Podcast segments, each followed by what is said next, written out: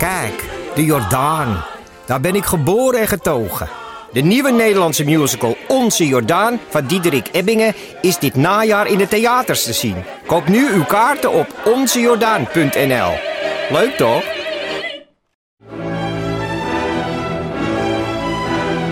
Dus jij koos voor deze podcast. Maar was het een bewuste keuze? Was het een moeilijke keuze? En wat zegt deze keuze eigenlijk over jou? Keuzes. Daar hebben we het over tijdens de Row Now Inner Choices. Een kort en krachtig concert met Maler en Frank.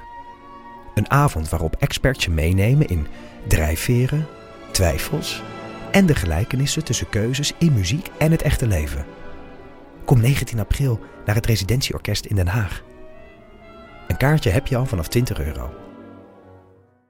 Voordat we beginnen met de podcast, eventjes over het boek Taal voor de Leuk van Paulien Cornelissen. Dat was genomineerd voor de NS Publieksprijs. Wij hebben in deze podcast regelmatig opgeroepen om daarop te stemmen. Paulien hoorde de uitslag in de uitzending van De Wereld Draait Door van afgelopen woensdag. En dat was een dag nadat ze de laatste dagelijkse aflevering van de podcast van Taal voor de Leuk had gepubliceerd. Na afloop van de uitzending belde ze mij. Hi.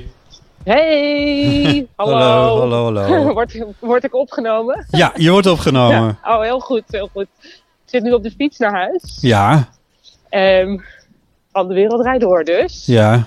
Ik heb niet gewonnen. Nee, dat was Martine Ehm, Bijl. Dat was niet een hele dat grote... was Martine Weg. Ja, en dat was... eh of haar boek de Kink heeft gewonnen. Ja. Had ik ook wel verwacht. Moet ik dan natuurlijk eerlijk zeggen. Ja. En eh, ja, het kwam allemaal tot zijn logische conclusie. ja, Dus ja, maar je het voelt niet, eh, niet heel erg. Nee? Oh. Nee. Je, je, je- eh, wanneer... Want ik bedoel, ja, je wist meteen dat je genomineerd was samen met Martine. Ja, ja. Ja, ik weet nog, ik zat bij het CPMB. Dus dat is eh, ja, de organisatie Ja. eigenlijk. En die, toen werden de andere genomineerden opgenoemd. En toen was het zo van, oké, weet je, al die namen, oké. mhm, mhm. En toen zei en Martine Bijl. En toen ik en mijn team allemaal, oh. dus ja. Ja, Maar goed, dan nog vind ik wel eh, ja, dat als je dan inderdaad die nominatie aanvaardt, dat je dan, ja, dat je dan ook het spel mee moet spelen en er volop in moet zetten. ja. Eh, en dat hebben we gedaan. En dat vond ik heel leuk. Dus ik wou eigenlijk ook jou bedanken en de Eeuw van de Amateur Hm. en alle luisteraars, want jullie hebben ook zo onwijs mee meegeholpen eigenlijk. Dat vond ik heel fijn en Ja. Ik, ik kreeg hun persberichtje net en ik zag dat er meer dan 100.000 mensen hadden gestemd. Ja. Dat is, Ja. toch, dat is toch gewoon wel heel veel. Ik bedoel... Ja, dat is heel veel, ja. ja. Ja, Maar, maar jij hebt, jij hebt- ik bedoel nog even, want je, je, hebt, ja. je hebt er wel, jij hebt wel echt serieus erin geïnvesteerd om je best te doen, Ja. zeg maar. Nou, het was zo dat de, de podcast ehm, die ik heb gemaakt van Taal voor de Leuk... is natuurlijk eigenlijk geïnspireerd door de inbeller bij de Amateur. Ja, Eh de Tatjana. slechtziende inbeller van, van wie ik steeds de naam niet weet. Tatjana. Tatjana Oh, en oké, Sander. Dat, ja, dat, Oh ja, dat, ja. ja. Nou ja. En, toen, en ik had natuurlijk sowieso al het idee van dat moet ik eens doen. Maar toen kwam dat telefoontje en dacht ik, ja, dat moet ik nou echt eens doen. Mhm. En toen dacht ik ineens, hé, hey, maar dat kan ik dan tijdens die nominatieperiode doen. Ja, Ik ben heel blij dat dat is gelukt. want ik had niet helemaal in de gaten, maar dat bleek het wel te zijn. Een soort adventspodcast. Ehm, ja, maar dat had ik eigenlijk ook niet in de gaten. Want ik begon gewoon met lezen. Ja, En ik wist wel wanneer ik hem online wilde doen. Maar ik wist niet hoeveel afleveringen die zou worden. Dus dat is gewoon echt de hand van God geweest. dat hij precies gisteren gister afgelopen was. Dat nou ja. is, eh, Het is, een- het nee, is dat wist ik niet. advent of niet natuurlijk. Hey, maar, en, en nu zit je met al die oproepjes in die opname. Ja, die knippen we er even uit. Oh, En met we, en met we bedoel ik eh, Chris Waaiema, man met de microfoon. Die überhaupt eh, al mijn gescheld, gekuch en eh, gedoe eruit heeft geknipt. Ehm, en die heeft al apart gemarkeerd waar ik heb gezegd...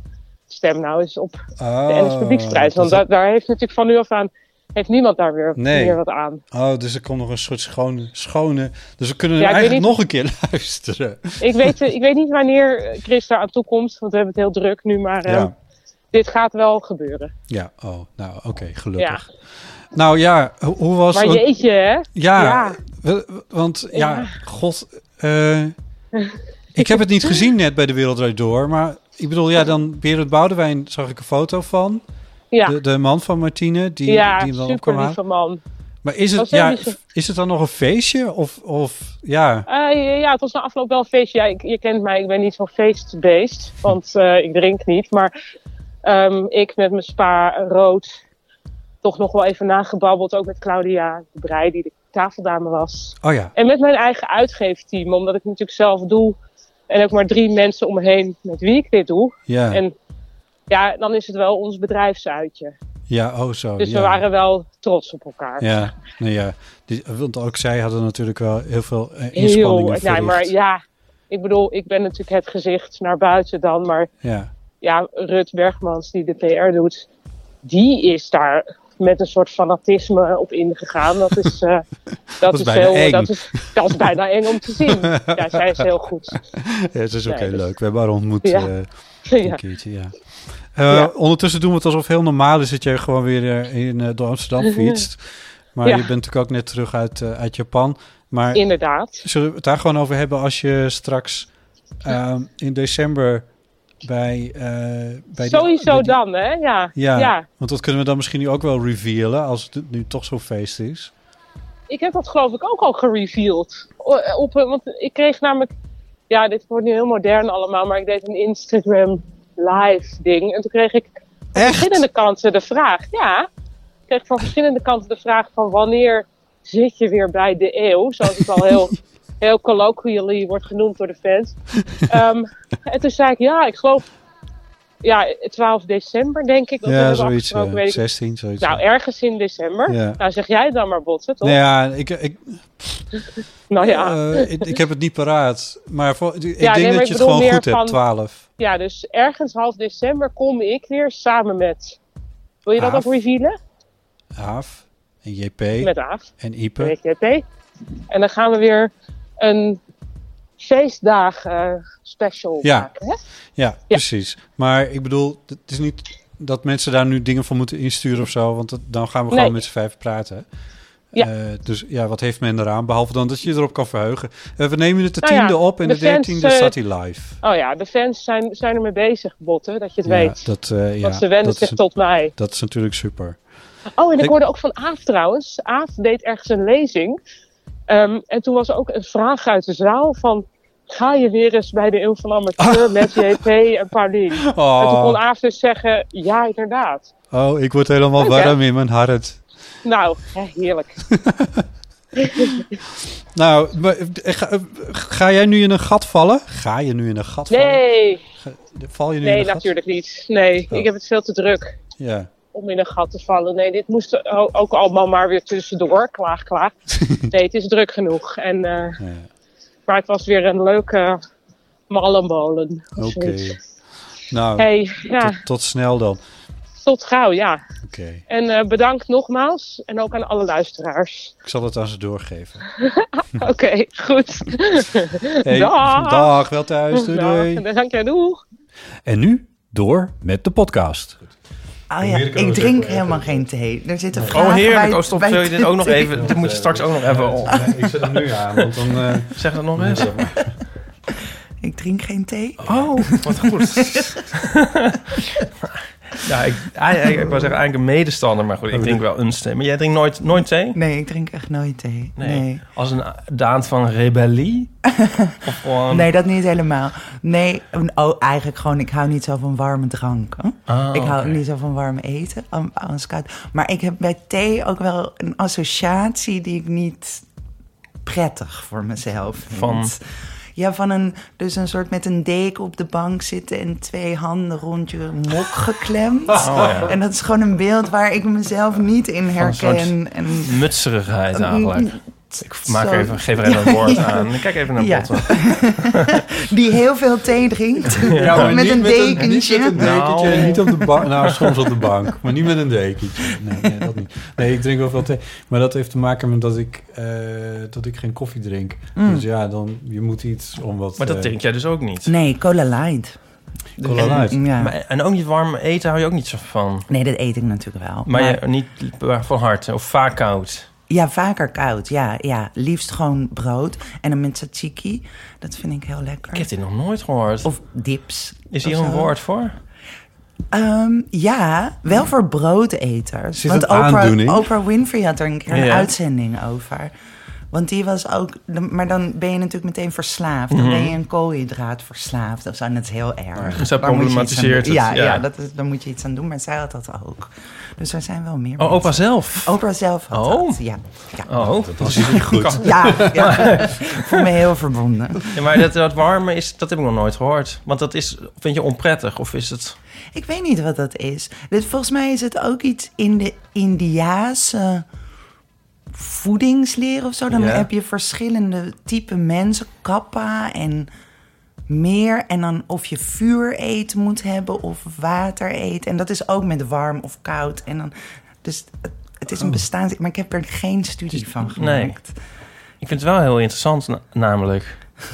Er zijn Ja, er ook meer van. Ja. En af en toe ontmoet ik zo iemand en dan voelen we ons ook Dat heel ik. erg... eh, Want ik heb het nog nooit gehoord, maar dat zou ik dan nog wel eens vaker willen horen van mensen. Maar de, betekent het- over doen. Ja, sorry, ik kan niet laten om dan bij eten toch ook te vragen of je dan, of je dan vegetariër bent. Nee, Dat niet. nee, dat niet. Nee. Maar ik eet, ik eet niet zo heel veel vlees. Vlees is natuurlijk precies wat je warm ja, dat eet. is waar. Ja, ja. Nou, brood en zo. ja, kip, Ah ja, kip kan vlees ook. Nee, dat is- ja, nee, maar dat eet ik dan weer niet. Nee, eigenlijk gewoon een boterham met kaas. Is wel heel lekker. Dat vind ik ja, echt dat vind ik lekkerst. eigenlijk ook wel echt heel erg lekker. Ja. Heel Dus, simpel.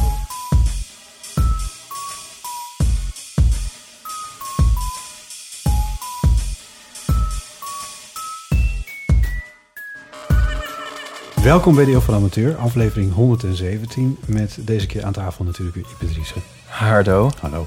En deze keer ook de gast Marian Donner. Hoi. Hoi. Wat leuk dat je er bent. Je hebt eh, voor de, de zomer al, eh, dat is alweer een half leven geleden, je, eh, een boek uitgebracht dat heet Het Zelfverwoestingsboek. Klopt. Met een nogal woeste titel. Ja, Eh, maar we gaan het er zo zeker over hebben wat er allemaal in zit. Maar ik dacht, misschien is het goed om meteen maar even een soort elephant in the room. Want ik voelde me heel erg betrapt bij het lezen van je boek. En je weet nu al waar ik het over heb, denk ik. nee. Ik heb een beugel. Oh. Oh, oh, ik moest even nadenken. Zelfverbetering. Oh. ja. Oh, shame on you. Nou ja. Nee, zo, zo erg. eh, Nee, ja, ik voelde me niet, eh, niet aangevallen hoor. Maar, maar ik dacht wel van, oeh, oh ja. Nee, maar ik vind ook echt helemaal niet dat je gewoon... Nou, niet Echt? terugkrabbelen. Nee. ah, dat boek, dat valt wel mee. ik meen het allemaal niet zo. Nee, maar het is niet... Nee, want helemaal op het einde zeg ik dat ook. Het is niet dat ik tegen zelfverbetering ben. Nee. Maar het gaat een beetje om met welk doel het is. Ja. Want ik ben natuurlijk ook voor leren en, en nieuwe dingen ontdekken. En, en je, natuurlijk, ik bedoel, ik gebruik ook make-up of zoiets. Dus ik maak mezelf ook mooier, Mhm. hoop ik. Dus daar gaat het niet, maar het gaat om dus met welk doel. En, en nu is zelfverbetering zo vaak gericht op, op effectiever, efficiënter, productiever, Ja. meer geaccepteerd Ja. eh, door, door de samenleving, Ja. tussen aanhalingstekens. En dat je maar zo hard mogelijk en goed mogelijk door kan eh, Ja. draaien. Maar dat gaat ook over de lijf en dat gaat ook over je tanden. Ja, ja, nee, dat is wel zo. Ja. Ja. dus het is misschien... is het- Ja, breng ik ook een beetje een willekeurige grens aan. Zo van, nou, dit mag wel en dat mag niet. Maar of, nee, Nee, ik zeg goed, eigenlijk niet- nergens over het mag niet. Nee, Maar, het is je- wel... Je, had, je hebt een paar voorbeelden van dingen die mensen aan zichzelf Ja, doen. En het is nu wel heel opvallend dat, dat, dat zoveel mensen dus iets met, of het nou botox of hun lippen laten opspuiten. En het lastige is dat individueel, ja, iedereen moet doen wat hij wil. Ja. Want ik, ik ga echt niet zeggen, nee, dat mag niet. Nee. Maar als je naar de globale tendens kijkt, dan denk je, nou, Ja. er wordt wel heel veel gesneden en getukt. En Ik heb dit ook heel erg met de sportschool. Zeg maar, nu is er opeens eh, om het pand is er een sportschool. En er zitten dan ook heel veel mensen in die dan ook echt bezig zijn. En ik ga er zelf ook heen. en dan denk ik van ja, dat, hè, dat is toch een goed idee. Maar dan denk ik wel van wat doen al die mensen hier? En hebben die niks beters te doen? En wat is dit voor dwaasheid? Ja, ik heb dat altijd heel erg met die sportscholen waar zo'n glazen ruit in zit. En dan loop je zo langs en dan zie je al die fietsen. En dan zitten er allemaal mensen nergens heen te fietsen. Ja. En dan heeft het iets heel droevigs voor mij. Ehm, maar, maar er stond laatst een stuk in de krant, volgens mij in de Volkskrant, werden mensen geïnterviewd die dan veel naar de sportschool gingen. En toch een groot deel daarvan zei dat ze dat deden om ja, het leven vol te houden, zeg maar. Om, Oh, dat klinkt dus- wel heel dramatisch. ja, maar om je fit te Ja. voelen en om dan weer fris aan het werk te kunnen. En om, nou ja, misschien ook niet mm, voor de endorfine, zodat je Ja, niet want het is wel goed voor je humeur. Dat heb ik gemerkt. Ja, Gek genoeg. ja, nee, dat geloof ik. Maar ik denk dus, ja, volgens mij is de wereld waarin we nu leven gewoon heel slecht voor je humeur. Ja. En hoe hard we moeten werken en hoe hoog de huren zijn. En dus dat, dat is voor veel mensen niet zo goed voor hun humeur. En dan als je sport, dan voel je je wel beter. Inderdaad, maar dan is dat een beetje een, ehm, ja, iets om het probleem af te dekken. Ja, Maar- want hier zeg je iets heel belangrijks, in ieder geval wat het boek betreft. Eh, want dat is, tenminste, dat was voor mij het belangrijkste. Van je zegt van er is niet zoveel mis met, met jou als mens. Ja, Eh, maar met de wereld. er is wat mis met de wereld. Ja, Wat natuurlijk een heel groot, ja. uitspraak is, in zekere zin. Ja, niet dat je daar echt misschien opgewekt van wordt. Van dat nee, idee. maar ik, ik, ik vond eigenlijk naarmate ik het boek verder las, dacht ik van... hé, hey, je hebt best wel een punt. Want hier zijn toch wel aardig wat dingen waar ik zo even geen gaten in kan schieten in ieder geval. Ja. Want je, je, je hebt gelijk dat er steeds meer sportscholen zijn, dat er steeds meer eh, botox is, dat er steeds meer beugels ook. Ik heb me daar uitgebreid in verdiept en het, eh, eh, het, het schijnt heel normaal te zijn dat je, zeg maar, de beugelleeftijd, dat, dat leeftijd, dat is puber. ja. Maar dat mensen die, eh, nou laten we zeggen twee keer zo oud zijn, dat die dan, dat daar dan ook nog een keer weer aan beginnen. Ja, Eh, dat- mijn, mijn moeder heeft het ook gedaan op haar zestigste nog. Ja, Maar dat vond ik dan wel weer... Ja, dat vind ik ook cool dan wel weer. Dat ze Ja. gewoon denkt, nou, het zit me al mijn hele leven in de weg... en nu ga ik het eens aanpakken. ja precies. Nou ja, kijk, individuele eh keuzen zijn nog weer wat andere keuzes, zijn nog weer wat anders. Ja, dan- het is meer als je gewoon van een afstandje naar de samenleving kijkt... of Ja. de wereld waarin we zitten... dan zijn er inderdaad tendensen die je kunt zien... ehm, van die zelfverbetering dus op alle niveaus. Dus qua, qua uiterlijk, maar ook qua innerlijk. Dus eh, met ja, hoe werk je je to-do-lijsten af, zelfhulpboeken... van hoe word je productief, hoe, word je die, of hoe breng je je innerlijke kind naar boven... Ja. Of, nou ja, er zijn vele manieren eh, die daarna aangestipt worden. Ook een beetje de ziel die gereinigd moet worden. Ja. Heb ik het idee dat heel veel mensen naar een psychiater of dan... Mensen kunnen tegenwoordig ook zo goed psychiatrisch praten. Dus die, die weten dan zo van... ja, het is niks geworden met die en die... want ik heb bindingsangst en dat komt door een vadercomplex. En dan... dan maar de- alsof alles op orde moet zijn. Of zo, Mhm. alles moet netjes, Nou, alsof er iets- strak. mankeert Ja, aan, dat, eh, aan jezelf. ja, dat het dus nooit goed genoeg is of zo. Ja. En ik denk ook dat de wereld je, de wereld of de cultuur, beeldcultuur, je heel erg vertelt ons dat het niet goed genoeg is. Dat het beter moet. Dat je, als jij je niet gelukkig voelt of niet succesvol voelt, dan ligt dat aan jou. En dan moet je daarmee aan de slag. Dan Ja. moet je daar iets mee doen. En ja, dat leidt volgens mij heel erg af van het werkelijke probleem. En dat ligt niet bij jou, Nee, maar in de wereld. in de wereld. Maar da- daaraan is ook weer weinig te doen, toch? Of tenminste op Nou ja. individueel niveau dan weer. Nou, ik denk wel dat het, dat het scheelt ehm, om zo'n ander perspectief aan te nemen. Want, want volgens mij door dus die schuld die steeds bij het individu Ja. wordt gelegd... daar hoort ook bij dat mensen zich heel eh, schuldig gaan voelen... over oh, weer op de bank gehangen of oh, weer mijn to-do-lijst niet eh, afgewerkt. En ook Ja. schaamte. Het is een beetje Calvinistisch eigenlijk ook. Ja, en een schaamte voor als je dus niet slaagt of, of niet die carrière hebt, wat misschien wel waar je van droomde of die had moeten hebben. Of, en dat zijn hele funeste emoties. Dus in dat opzicht denk ik dat het wel opluchting kan geven. Als je gewoon een soort eruit stapt eigenlijk. Nou ja, en denkt ze van het ligt niet aan mij. Dus Ja. dat is, dat is een beetje Ja. Moest ik later aan denken, een beetje Goodwill Hunting. Er zit zo'n scène in en dan zegt die psychiater ook de hele tijd tegen Matt Damon... It's not your fault, it's not your fault. En dan uiteindelijk breekt hij. En dat is dan de catharsis. Maar dat is wat overdreven. Niet dat ik daarvoor... eh, Voor de naar streef. maar ik denk dus dat dat wel scheelt. En bovendien, ehm, kijk, je- de wereld verander je niet in één keer. Maar door naar grotere structuren te gaan kijken, ehm, ja, ga je misschien anders politiek denken. Ga je anders eh, stemmen of ga je meer kijken van. Want in mijn optiek is dus de, het, de bron van al het kwaad is het kapitalisme. Mhm. Neocap neoliberaal kapitalisme heb je het dan over. En dan, eh, ja, weet je, daar, daar, daar kan je individueel niet zoveel aan doen. Maar er zijn echt wel dingen die daaraan gedaan Ja. kunnen worden. Dus Nou ja, je hebt het ook over deze stad, eh, Ja. Amsterdam. Maar daar woon je ook? mhm. Ja. Eh, van, het valt nog niet eens mee om je hier te handhaven als bewoner van de stad. In die zin dat het hier takken duur is allemaal. ja, nee, ik ken echt zoveel mensen die nu wegtrekken naar Haarlem. Of Ja. naar, eh, ja, naar de omgeving. Je, Waardoor daar de huisprijzen ook weer stijgen. Dus ja, zo schuift alles een beetje op.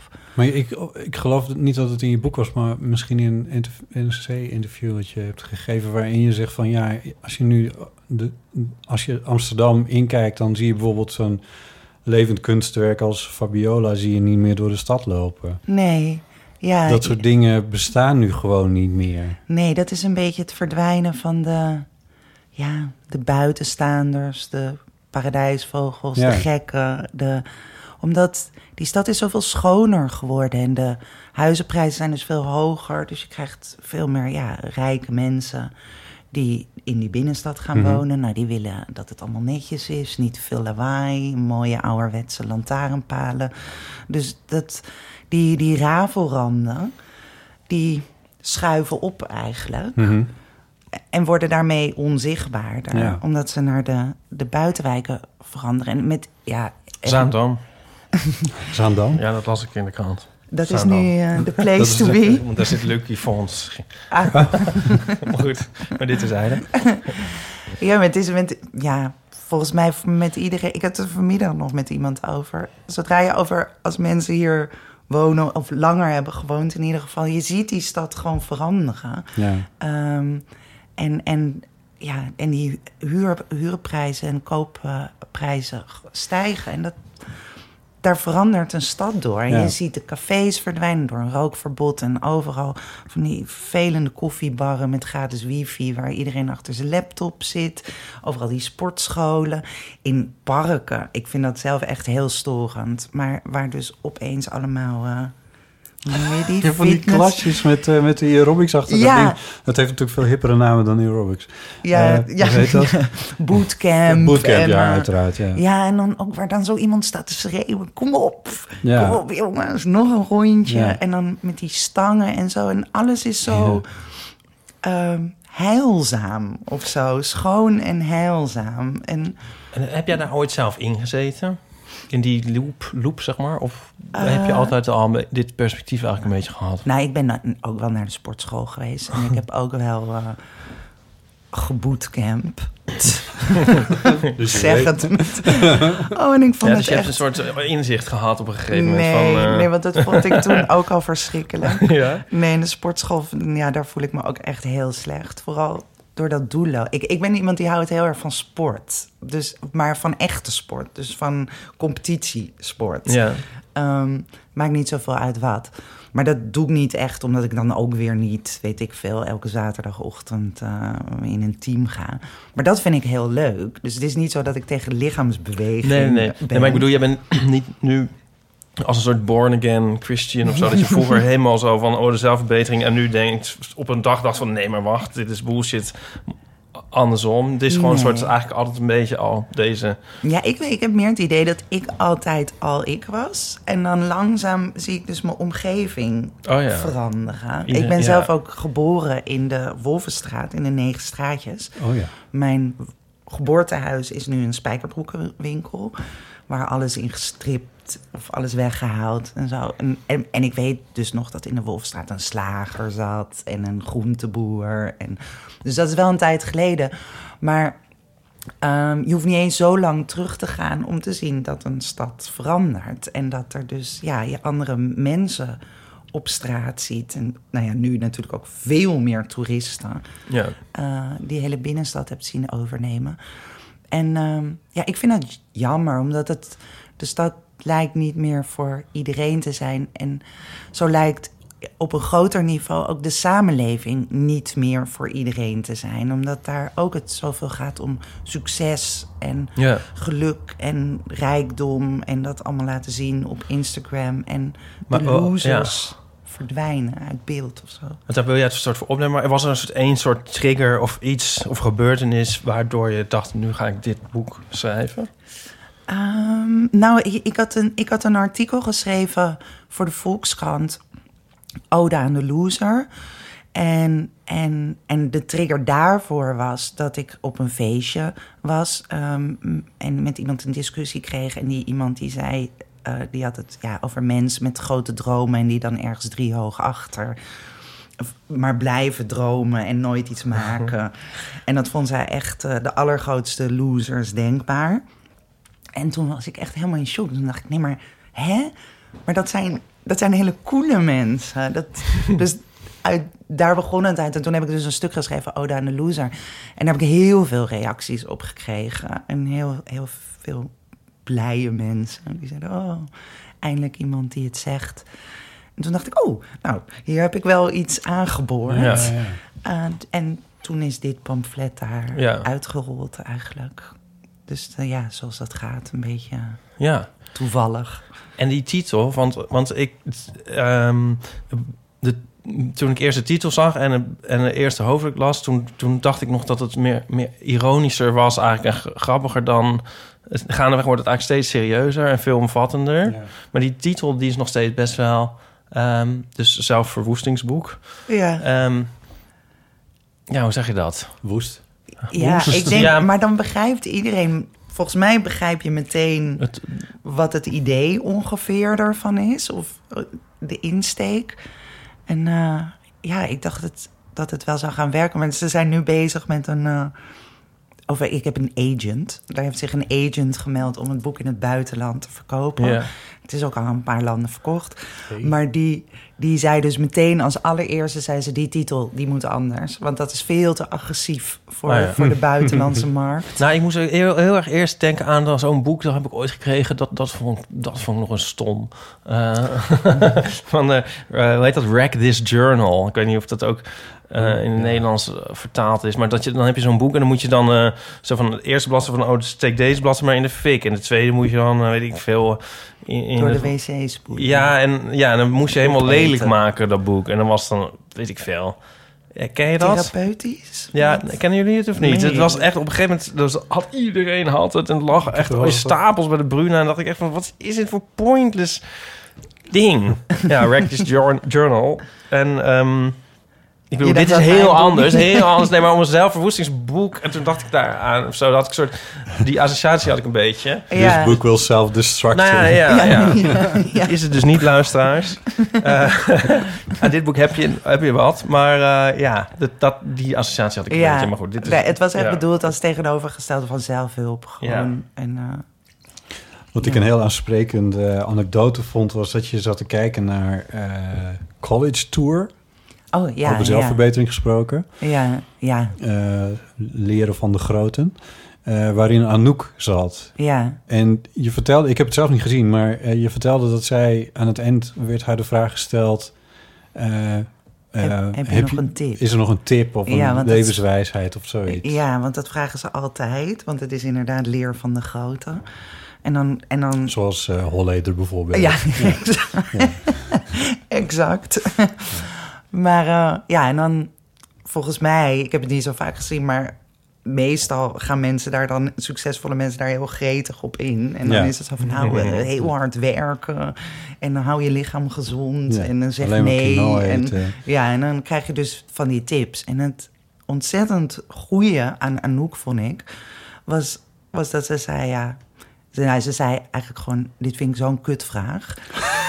Zo begon ze. En toen zag je Twan, Twan Huis al een beetje, een beetje geïrriteerd Ja, kijken. ja.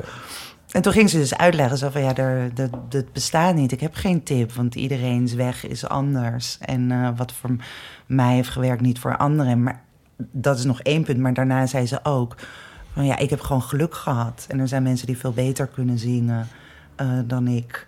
En eh, misschien betere nummers schrijven en die halen het niet. Nee. En het was zo mooi om Twan te zien, die dat te irritant antwoord vond. Ja, want- Omdat het dus heel, dat hele... Impliceert een willekeur die we natuurlijk helemaal niet kunnen accepteren. Nee, nee. En, dus, en er werd ook iets doorbroken. Dat is zoiets van de gladheid van dat voormand. Dus toen, maar ze, ze gaf een heel mooi verhaal. Dus toen uiteindelijk toen zei hij ook nog van... Ja, zie je nou dat het wel een hele goede vraag was? Omdat hij zo'n mooi antwoord had gegeven. En dan wou hij zichzelf even Ja, oh goed ja. praten. maar, maar dat vond ik Ja. heel cool. Want dat, dat hoor je toch niet vaak van mensen die aan de top... Nee. eh, ze- meestal hoor je dus van... Nou ja, ik heb kei, keihard gewerkt. Ja. En dan denk ik dus altijd zo van... Ja, ja hoe hard kun je werken? Ik, ik, bedoel, ik denk dat een bijstandsmoeder... eh, met twee banen... eh, en angst om naar huis uitgezet te worden... denk ik dat harder werkt. Maar niet dat het een wedstrijd is... maar dat vind ik altijd zo'n dooddoener... omdat heel veel mensen werken heel hard...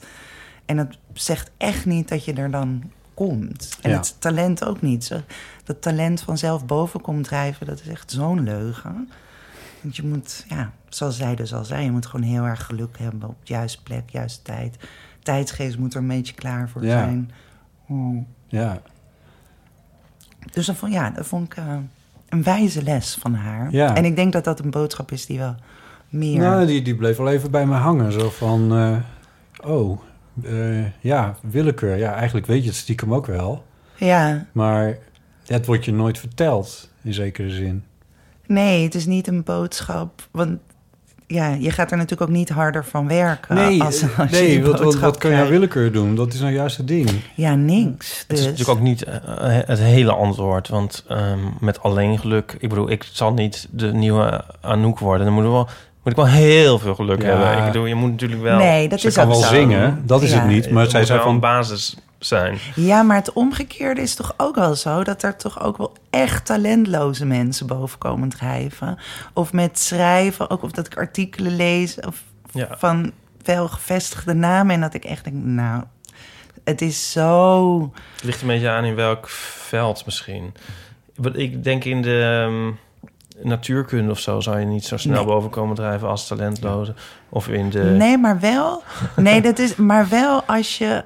Waar het meer om gaat, is dat je herkend wordt door je medestanders, zeg maar. Dus mensen die te origineel zijn of die te rare ideeën hebben, is ook in de natuurkunde, te out there, dan word je toch sneller, ja, zo van ja, dat is een soort gek. Dus dan kom je er minder snel doorheen. Het is Ja. middelmaat doet het eigenlijk altijd het een beetje bovenste middelmaat. Dat doet het het Of als je als enige een medium uitoefent tegen de klippen op. Is dat een podcast? de Eh, nee, foto's. foto's, Oh ja, exact. Maar over media gesproken, ik moest nog denken aan... eh, een paar weken geleden hadden we het fenomeen dat het 100 jaar geleden was... dat er, eh, dat er iemand in Nederland voor het eerst omroepje ging spelen. Dat werd uitgebreid gevierd op de radio. Dat heeft verder niemand gemerkt. Het was wel zo. Ehm, en toen was het, waren er ook van die lijstjes van... eh, wat vond je het beste radioprogramma van de afgelopen ik 100 tegen. jaar of zo. Ja. En daar kwamen een paar hele evidente dingen uit. Maar ook een paar dingen waarvan ik denk, ja, dat wordt nu dus echt niet meer eh, gemaakt. Omdat het, als je dat idee nu zou inleveren... en dan bedoel ik dus bijvoorbeeld Radio Bergijk... Ja, eh, ja. En, en eh, oh, hoe heet het, eh, de mannetjes van de radio, die stonden er ook tussen. Ron Flon Flon. Rolf van Vlom. Als je dat nu zou indienen. Nee.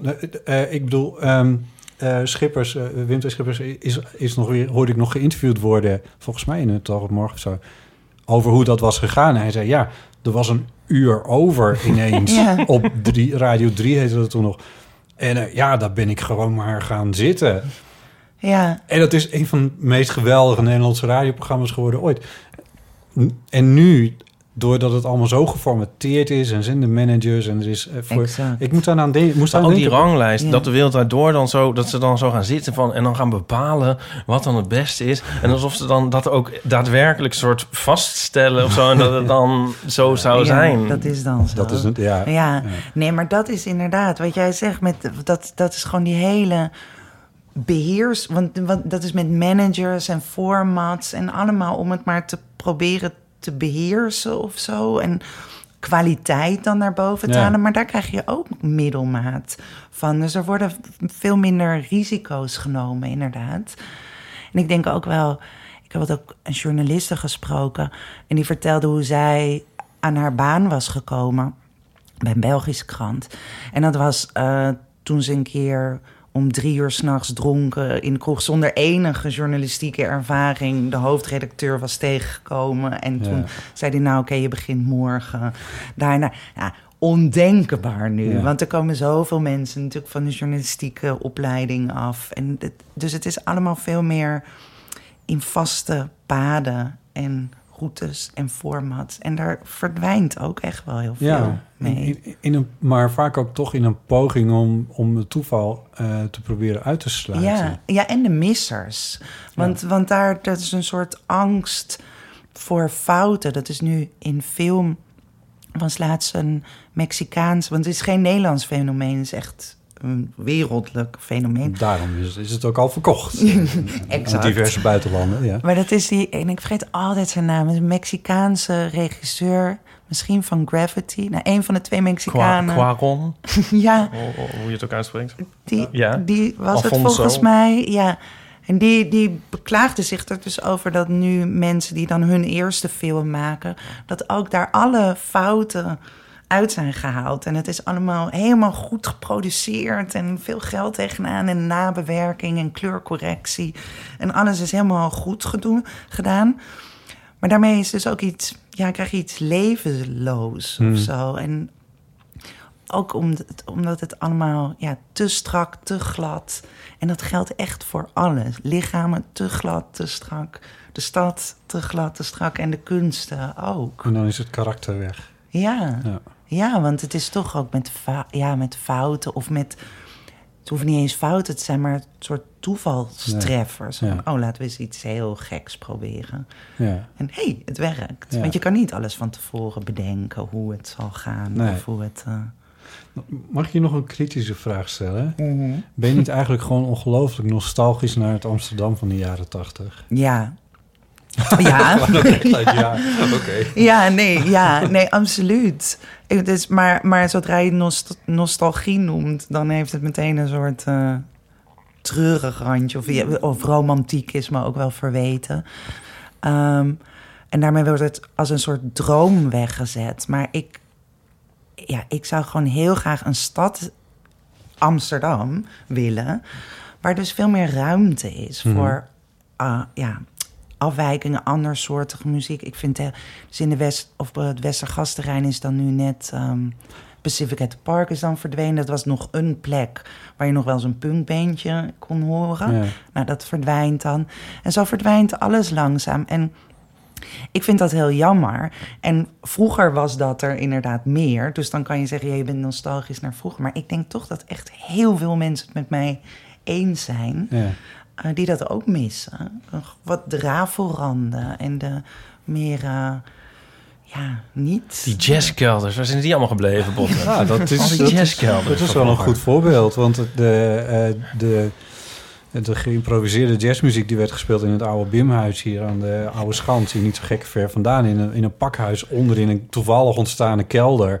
Wat met heel veel toeval eh, ineens een briljante akoestiek bleek te hebben. Ja. Waar alle muzikanten van over de hele wereld naartoe kwamen. Ja, wat mooi. Maar toen mocht het ineens niet meer, want de buren werden boos. Mhm, ja. En, eh, en nu zitten ze vastgeplakt in een doos aan het eh, muziekgebouw aan het ei. Waar verder niks mis mee is. Dat is een fantastische zaal. ja. Maar het is niet meer een... Nee, het is anders. En het is ook anders voor een stad dus. Want het is heel mooi als je door een stad dwaalt... en je opeens op, op iets Ja. terechtkomt. Ja. Maar de- een- heb je nooit het idee dat je misschien eh, dingen ook niet ziet? Eh, niet dat ik het weet hoor, maar dat als je nu 18 bent door Amsterdam loopt, dat je dan weer heel andere dingen ziet. En wel rafel dingen, zeg maar, waar wij eigenlijk helemaal geen weet van hebben. Ja, nee, dat zou natuurlijk kunnen. Want het is wel dat ik eh, minder door de stad dwaal dan vroeger.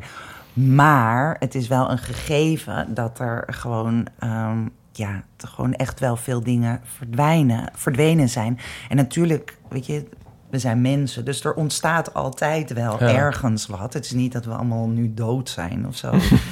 dus, en misschien dat je als 18-jarige zegt, nou, maar ik vind het fantastisch en waar heb je het over? En dan ben ik een beetje die oude lul. Maar dan nog denk ik van, oké, maar het kan beter. Ja. Het kan bruisender. En meer... eh, eh, Jij was toch laatst naar een feest op Ruigoord, helemaal? Eh, ja. Dat is 10 kilometer of zo. ja. Ik bedoel, dan, dan heb je een wild feest en dan, dan moet je die 10 kilometer de stad voor. Ja, ik bedoel, ja. andere feestjes. Maar... in de ehm, binnenstad? Zijn er nog feestjes in de binnenstad? Een enkele keer in Paradiso misschien? Of in de Melkweg? Ja, ik denk zaterdag is het... Nou nee, volgende week zaterdag is er... Is, nou ja, goed, nee, dat is ook sorry nostalgie. Maakt niet uit. Ik weet het ook allemaal niet. Ik eh, Nee. herken dingen in jouw verhaal. Maar ik denk ook soms dan van... Het ligt misschien ook aan mij of zo. En eh, wat... Ja, jawel. maar ja. ja. Nee, ik, maar ik, ja, nee, maar ik weet toch echt... Want er, ja, wat ik al zei, er gebeuren wel... Natuurlijk gebeuren daar dingen. Eh, maar... Nou ja, de, de speelruimte is gewoon Ja. veel kleiner. Er is ook... Ik had iets gedaan met een galerie in de Rozenstraat. Nou ja, daar, mag, daar kan niemand... eh, op de stoep buiten Ja, ja, eigenlijk ja. staan. Want dan gaan de buren Nee, dus klagen. En dat zijn expats en zo. En verderop zit een hotel daar nu. Dat is, dat is gewoon, ja. Als je heel veel rijke mensen in de binnenstad hebt wonen, krijg je echt een andere dynamiek van. ja. Die willen andere dingen dan leuke eh, kelders waar jazzmuziek wordt gespeeld. Als we het toch over Ron van Vlon hebben... Ik moet altijd denken aan... eh, die- dat, maar dat is dus al een klacht van tientallen jaren geleden. Die noemde Nederland een platgeregeld potje slappe thee. Ja. ja, maar het is dus bijna alsof de hele wereld dat Ja. is. Want dit is echt, dit wordt niet alleen hier Maar, ja, maar straks wordt jouw boek een soort... Ga je op een soort mondiale triomftocht met je boek. En dan is dat weer een soort van gekke, ironische contradictie Dan word ik heel succesvol. Ja. En dan ga ik zeggen, ja, hard werken. Zo kom je er. Geef eens een tip, hoe heb Ja, je dit nou? Ja. Iedereen wil dan zoals jou, jou zijn. Ja. En dan jouw beeld. Zo'n beetje ruig, maar niet te. Ja, nee, ehm, dat kan. Maar ik denk dat het nooit een heel groot succes zou worden. Want dat is toch... eh, nou ja, nee, dat denk ik We zullen zien. Onderschatten onze luisteraantallen niet. Zo is het.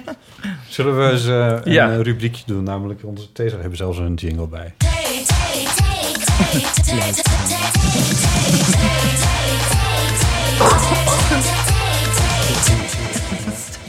Nu wil ik eigenlijk vragen of jij een, eh, een van de theelabeltjes van Pickwick eh, uit wil zoeken. En dan gaan we dus in zekere zin willekeurig kijken of we daar een antwoord Moet op ik kunnen formuleren. Ja, lees hem maar voor.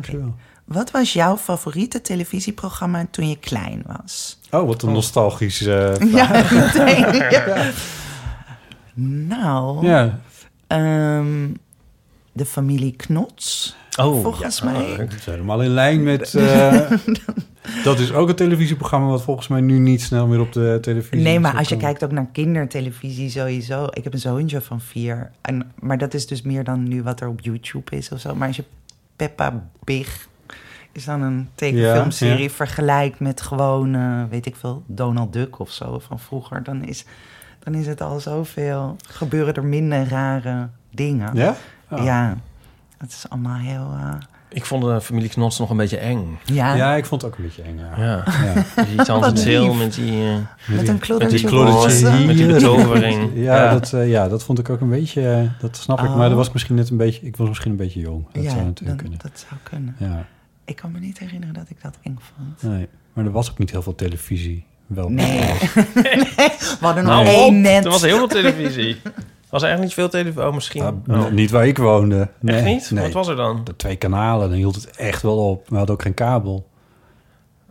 Oh ja. Met mist, met mist konden we Duitsland ontvangen. Dat vond ik heel wat. Ja, nou, je zegt. Ik kan me wel herinneren dat er op een gegeven moment commerciële tv kwam. Ja, dat weet ik ook nog. Ja, misschien oké, ja. Dit klinkt was heel fantastisch. ancient klinkt dit. Maar toen Ja. helemaal in het begin, of dat was volgens mij nog niet eens zo veel in het begin, maar op, op, op RTL 5, dus dat was dan al ietsje later, had je dan de hele nacht Star Trek werd er gedraaid. Of Buffy the Vampire Slayer. Oh ja. Heb ik allemaal daar gezien. Oh ja. Dat was zo geweldig.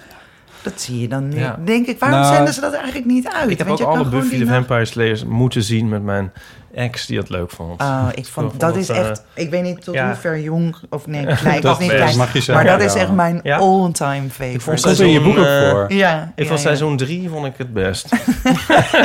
Oké, die heb ik niet direct ja, paraat. nou ja.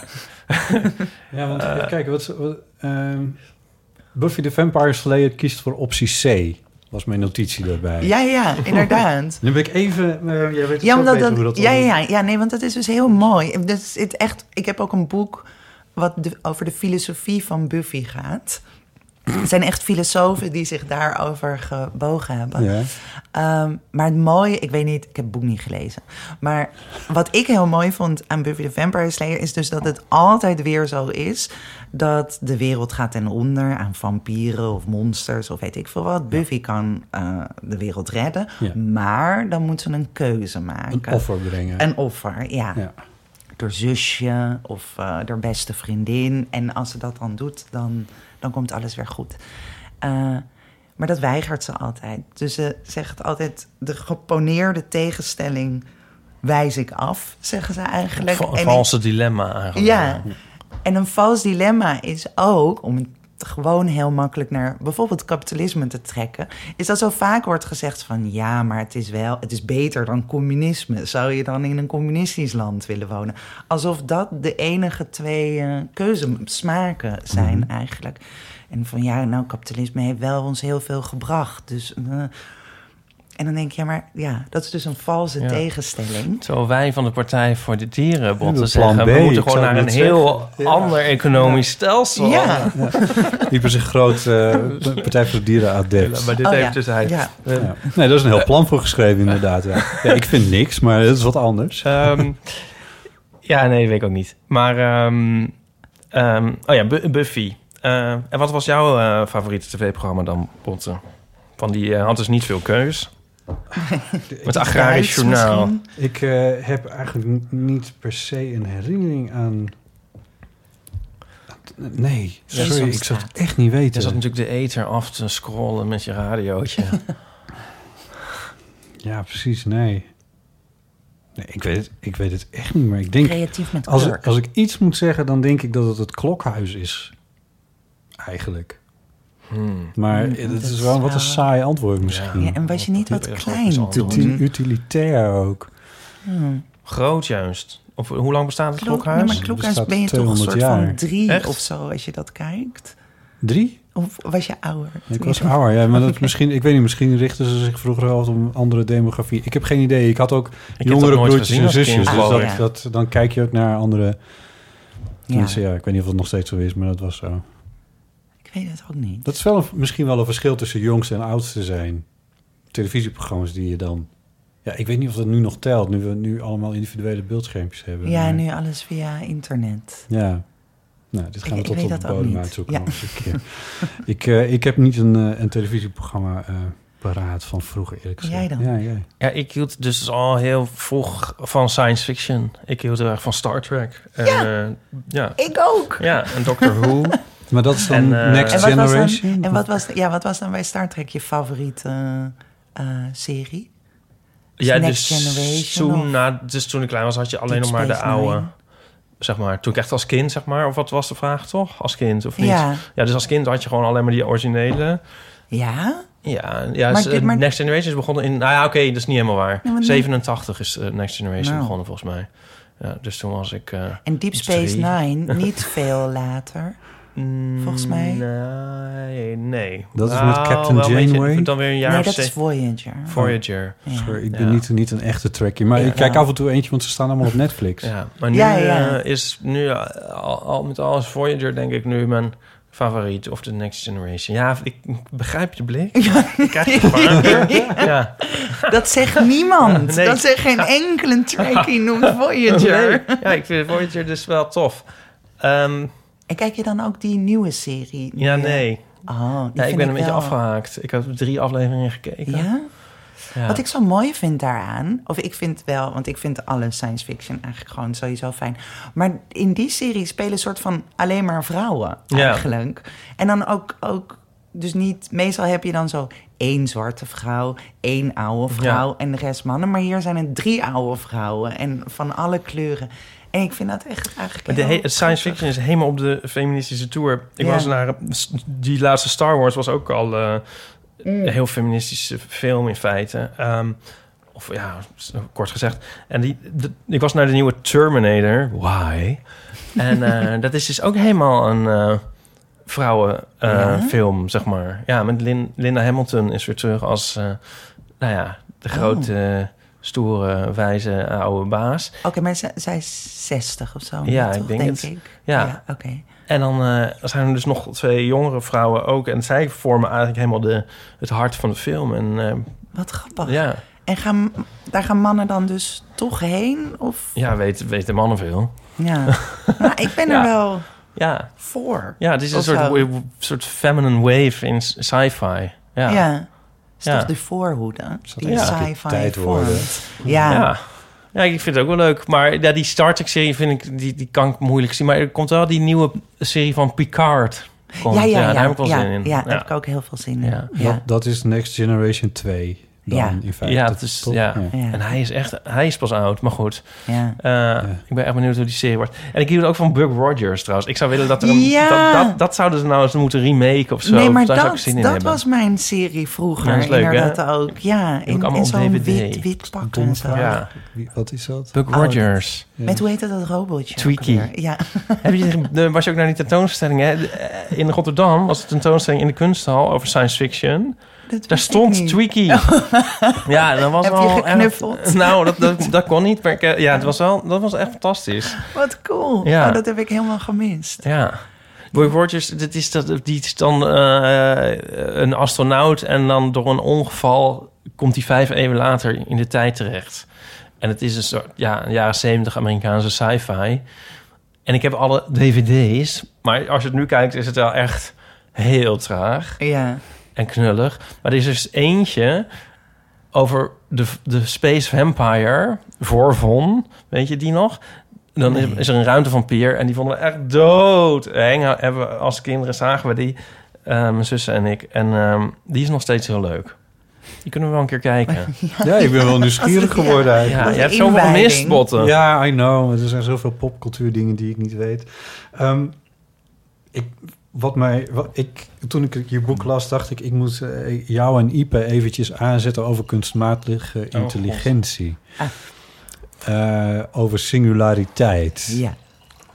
Eh, Nou. Ipe heeft kunstmatige intelligentie Ah. gestudeerd.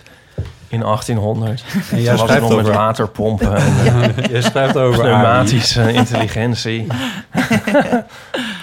Ehm, ja, nee, inderdaad. Ik zei, ja, ja waar te beginnen? Wat is singulariteit? Singulariteit. Ja, het, eh, dat is, eh, jij moet me verbeteren als ik niet goed zeg, maar het moment dat, dat de kunstmatige intelligentie de mens in zal halen, eh, qua wat hij kan en qua bewustzijn ook. En dan is eigenlijk de mens overbodig. Ja, nou volgens mij, ja.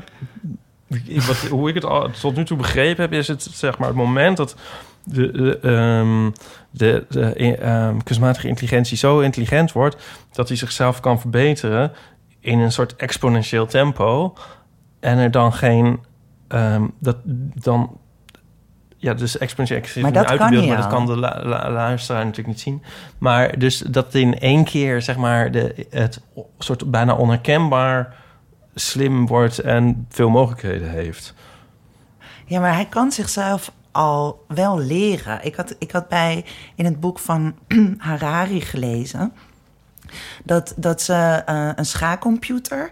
Ze hadden twee schaakcomputers. Ik maak het even zo simpel mogelijk. Maar twee schaakcomputers. De ene hadden ze alles, alle zetten ooit gedaan, gevoerd. En de ander hadden ze zich alleen de regels en dan zichzelf het laten leren. Ja, en dan gekeken naar wie, wie, wie het beste was, wie won. En dat was die die het zichzelf had geleerd.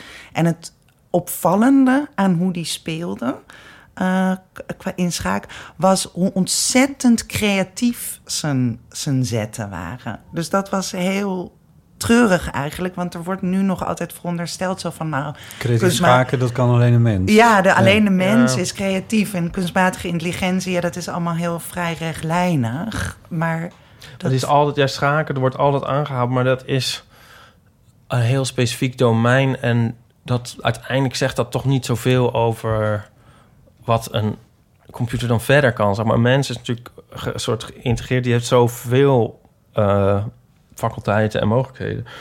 Maar um, ja, computers kunnen wel leren. Je kan ook een computer soort trainen hè, om gezichten te herkennen of zo, dat soort dingen. En of de robot leert hoe je huis is, de platgrond van je huis vanzelf. En dat is leren. Maar je maar in de singulariteit gaat het er dus om een soort uh, zelfverbetering. Dus de mens zit er niet meer aan, zeg maar. En um, de computer begint eigenlijk zichzelf te verbeteren. En die versie, die verbetert zichzelf weer. En die versie verbetert zichzelf. En omdat die dus steeds slimmer wordt, gaat dat proces steeds sneller. Tot je ergens in één keer, dus dat, daar speculeren mensen over uh, dat er dan een soort, bij wijze van spreken, een split second zou kunnen zijn. Waarin die opeenvolgingen zo hard gaan, omdat het ding zo snel beter wordt, dus exponentieel, dat je iets overhoudt wat we helemaal niet meer soort kunnen bevatten en ja. zien. En dat, dat zou dan, is dus singulariteit. Ja. Ja. Maar het is dus wel, ja, dus ingehaald. Ja, ja we zijn dan dus inderdaad wel helemaal ingehaald, ja. ja. Waarbij jij cynisch opmerkt in je boek van nou ja, het is niet dat de computers nou zoveel sneller gaan worden of, of slimmer gaan worden, maar het is vooral dat de mens het niet, uh, dat de mens achteruit gaat. Ja, ja, nou de, ja, dat is een manier om naar te kijken, maar dat, dat, dat denk ik wel. Als het, als het daar over de, de strijd tussen, tussen mens en computer. AI, ja, en, en mens gaat dan. dan uh, um, nou ja, dan, dan wordt niet. Of nee, laat ik het anders zeggen. Waar we het net over hadden. Alsof die, die creativiteit die niet meer in radioprogramma's. of er geen ruimte meer is. Of, en dat al, alles gericht op efficiëntie. Daarvan maak je bijna de mens als een soort computer. We willen ook onze hersenen verbeteren. Of mhm. dat probeer, we proberen ons te optimaliseren om meer computerachtig te worden. Als je zo die strijd met een computer aangaat, ja, dan verlies je hem altijd. Dus je beter. En het is naar aanleiding van Harari, die, die, die daar heel bang voor is. voor het moment dat. Uh, nou, de singulariteit. Nou ja, er zijn ook al heel veel eh, sci-fi ja. over gemaakt, natuurlijk. Ja, maar dan is dus de vraag van ja, wat. Dan zou je beter kunnen afvragen: wat maakt een mens nou echt mens? Um, ja. uh, waar een computer niet bij kan. Of wat gewoon echt anders is. Zodat je niet een soort strijd hoeft aan te gaan, omdat je die dus al, altijd zal verliezen. Ja. En nu, en dat was ook op basis van de film Her, maar is inderdaad, uh, ja, is de mens, zijn menselijkheid lijkt het soms een beetje aan het verliezen of zo. Nou hangt het vanaf hoe je menselijkheid omschrijft. Maar, ja. Um, ja, dat. Dat. En nu wordt er naar mij gekeken. Ja. Nee, ja, of je, als je er nog iets aan wilt toevoegen. Anders dan... Ik weet het niet zo goed. Ja, ik zie die, uh, dat moment niet zo snel naderen nog eigenlijk, zeg maar. Um, we geven wel dingen op aan kunstmatige intelligentie. Maar of, of, of gewoon aan techniek, zeg maar. Als altijd zo'n voorbeeld is van dat mensen de weg niet meer weten... omdat ze op uh, hun telefoon kijken en zo... Um, ik ben dus zelf benieuwd naar de zelfrijdende auto. Ja, ik kan niet auto rijden. maar, um, verlangen komt ergens vandaan. Of, of mensen... Nou, het is niet zozeer een verlangen als wel... Oh, dus mijn, ik ben benieuwd of mensen dan met vreugde daarin gaan zitten. Want dan, dat lijkt me dus vrij... Ja, zou dat... Zouden ze dan blij in zo'n ding zitten en dan een boekje lezen en denken wat heerlijk? Of zouden ze het missen, dat gevoel van rijden en, die, en die, hè, de weg onder je wielen? Ja en zo. En um, daar lever je dan weer wat in. En dan lever je ook weer in dat je de weg eigenlijk weet. Want je hoeft helemaal niet op te letten of zo. Je kan gewoon weer wat anders doen. Je gaat ook niet verdwalen. Je dat wordt verdwalen. ook gezegd. Dat ja. je dan hm. ja, dus niet meer doelloos eigenlijk iets op een gekke weg terechtkomt. Ja. Ja, maar, het is, maar eigenlijk, ik denk nu, want AI is natuurlijk ook gewoon algoritme. En, en die eh, beginnen toch wel echt een hele grote invloed te krijgen op ons leven. Gewoon in de zin dus van alle informatie die over ons verzameld wordt. En dat gaat Ja. uiteindelijk invloed krijgen op wat betaal je voor je ziekenfondspremie. Of kan Nee, je je zeker, nog dat is verzekeren. Maar dat is... eh? Ik kreeg, een mail, ik kreeg een mailtje van mijn... eh, het is natuurlijk weer de tijd van het is weer de tijd van het jaar voor die ziekenfonds eh, dingen en zo. Ik, kreeg, ik zit bij dit zo en ik kreeg een mailtje van ze dat je kan dan een app van ze downloaden of zo. En als je dan veel sport of beweegt Ja. of God knows what en dat ding Ja. registreert Ja. Dan krijg je ja, Even voor het luisteraars, dit is niet een reclame nu tussendoor voor iets. En het is gewoon een... nee, ik ben denk, je zit het af te zeiken. Oh, je zit af te zeiken. Ja, want, eh, want op, op je aanvullende pakket, wat ik niet heb trouwens, maar dan kon je dan, dat kon je dan eigenlijk helemaal, zeg maar, de, de kosten die je daaraan hebt, die kon je dan helemaal wegspelen. Ja, nee, maar dat is ook dat verzekeringsmaatschappijen vaak, of vaak, maar ook wel cursussen mindfulness of zo aanbieden. Ja. Omdat, maar dat is dus van ja, want hoe gezonder jij bent en hoe, als je maar niet een burn-out krijgt, Ja. Eh, hoe langer je Dus- mee dus- kan spelen, hoe beter, want dan blijf je je premie betalen en dan. Er eh, zijn ook autoverzekeringen waar je eh, de app van de verzekeraar in je auto aan moet zetten. En die voelt dan met een soort gyrometer, Oh, dus ja. ver- versnellings- en dan, dat soort dingen, je rijstijl aan. Oh, ja. En als je dan, en dan kun je, ja, dat is ook een soort puntensysteem. Ja, Maar ik wil Ja, toch nog even toch zeggen, dat, bizar. dat is allemaal vervelend. Maar dit is toch een soort manier... tech- techniek wordt dan ingezet op een heel vervelende manier. En daar is altijd een menselijke tussenkomst nog wel. Ik bedoel, het is nog wel heel ver voordat... ehm, Het verplicht wordt. nee, Nou, maar in hier, China niet. hier zit geen menselijke tussenkomst. Nee, maar ik bedoel meer... ehm, deze, deze toepassingen zijn weer door een mens verzonnen. Het is een soort... Je kan het doen en mensen denken van... oh, dat is een leuk idee voor ons bedrijf. Het is uit een soort winstoogmerk. Ehm, maar ik zie daar nog niet meteen de komst van de singulariteit nee, in. nee, dat is iets anders. Nee, dat is waar. Maar het is wel weet een- verder niet, ja. Maar ik denk wel dat die algoritme. ehm, dus ik noem in mijn boek ook dat voorbeeld van Chinese werknemers die dan met een Ja. helm eh, op. ehm, Is dat echt waar? Ja, nou ja, dat, dat had dus in de Chinese krant gestaan. Dus, eh, ja, dus, dus dat is hartstikke waar. dus dat is waar. Ja, Oh, nou ja, in leg ieder geval- even uit. Wat, Ja, dus dat, dat zijn werknemers. En dat was vooral in het leger en in de bouw, geloof, nou, en telecom. En die hebben dan een helm op en die registreren hersengolven en hartritme en allemaal dat soort dingen. Zodat ze dus ehm, disruptieve emoties ook kunnen voorspellen. Dus als je hartslag een beetje omhoog gaat of je begint je echt te irriteren, dan, nou ja, ik zeg maar, dan stel ik me zo voor, gaat er een soort belletje of lichtje knipperen. Ja, En dan mag jij, knipperen, ja. mag jij even op pauze om tot rust te komen. En dan kan je daarna weer door. En dat was heel fijn, want dat had de productiviteit heel erg verhoogd. En minder uitval van mensen, natuurlijk. Want je wordt net op tijd, krijg je even rust. Maar dan wordt dus helemaal niet gekeken naar het soort werk. En hoe stressend je werk misschien wel is. Of hoe stressend je hele leven is. Je wordt gewoon, ehm, ja, ja, een soort. Ik zie die algoritmen. En dat gebeurt dus ook met algoritmen of informatie die dan weer verzameld wordt.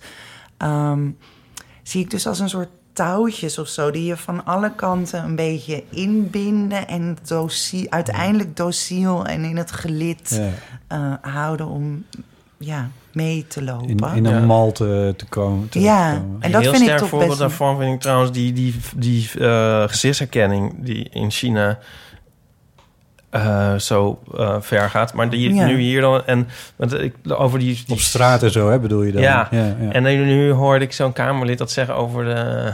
die, die- sorry, ik moet er gewoon om lachen. die spreekkoren in ehm het Ja. stadion. En van dat we dan natuurlijk ook daar die gezichtsherkenning moeten toepassen... zodat we kunnen gaan kijken wie dat daar roept. Nou, ik kan het echt niet geloven dat iemand dat zegt.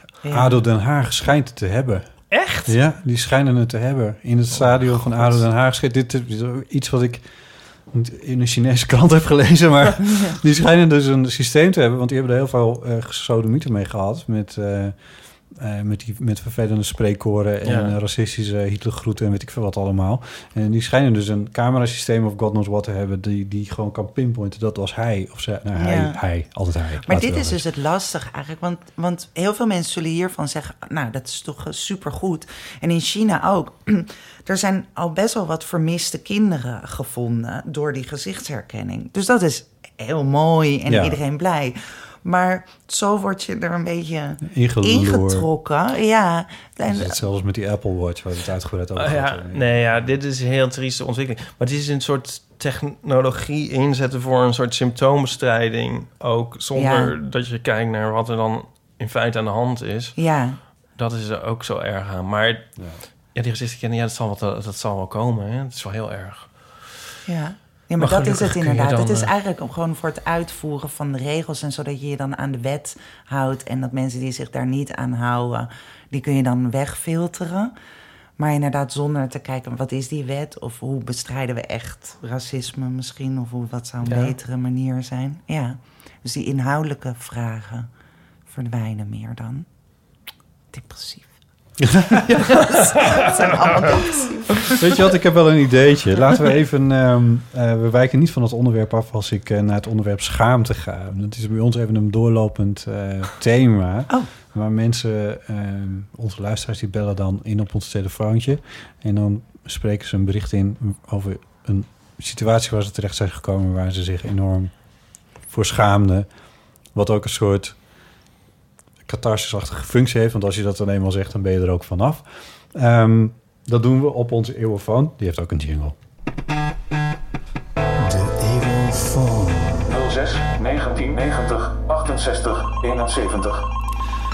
En ehm, ingesproken heeft Iris. Het is een beetje slecht te verstaan, want ze belt uit de auto, als ik het goed heb. Maar eh, laten we ons best doen om even naar Iris te luisteren. Hoi, eh, ik ben Botte en eh, iemand anders, een gast, Marianne. Eh, hier met Iris. Ik was net, ik zit in de auto en ik was aan het luisteren naar de aflevering met Ludwig eh, over de piramide van Tubes. En was eh, vorige keer. plus ik de kerk en ik moest eh, denken aan een verhaal van mezelf.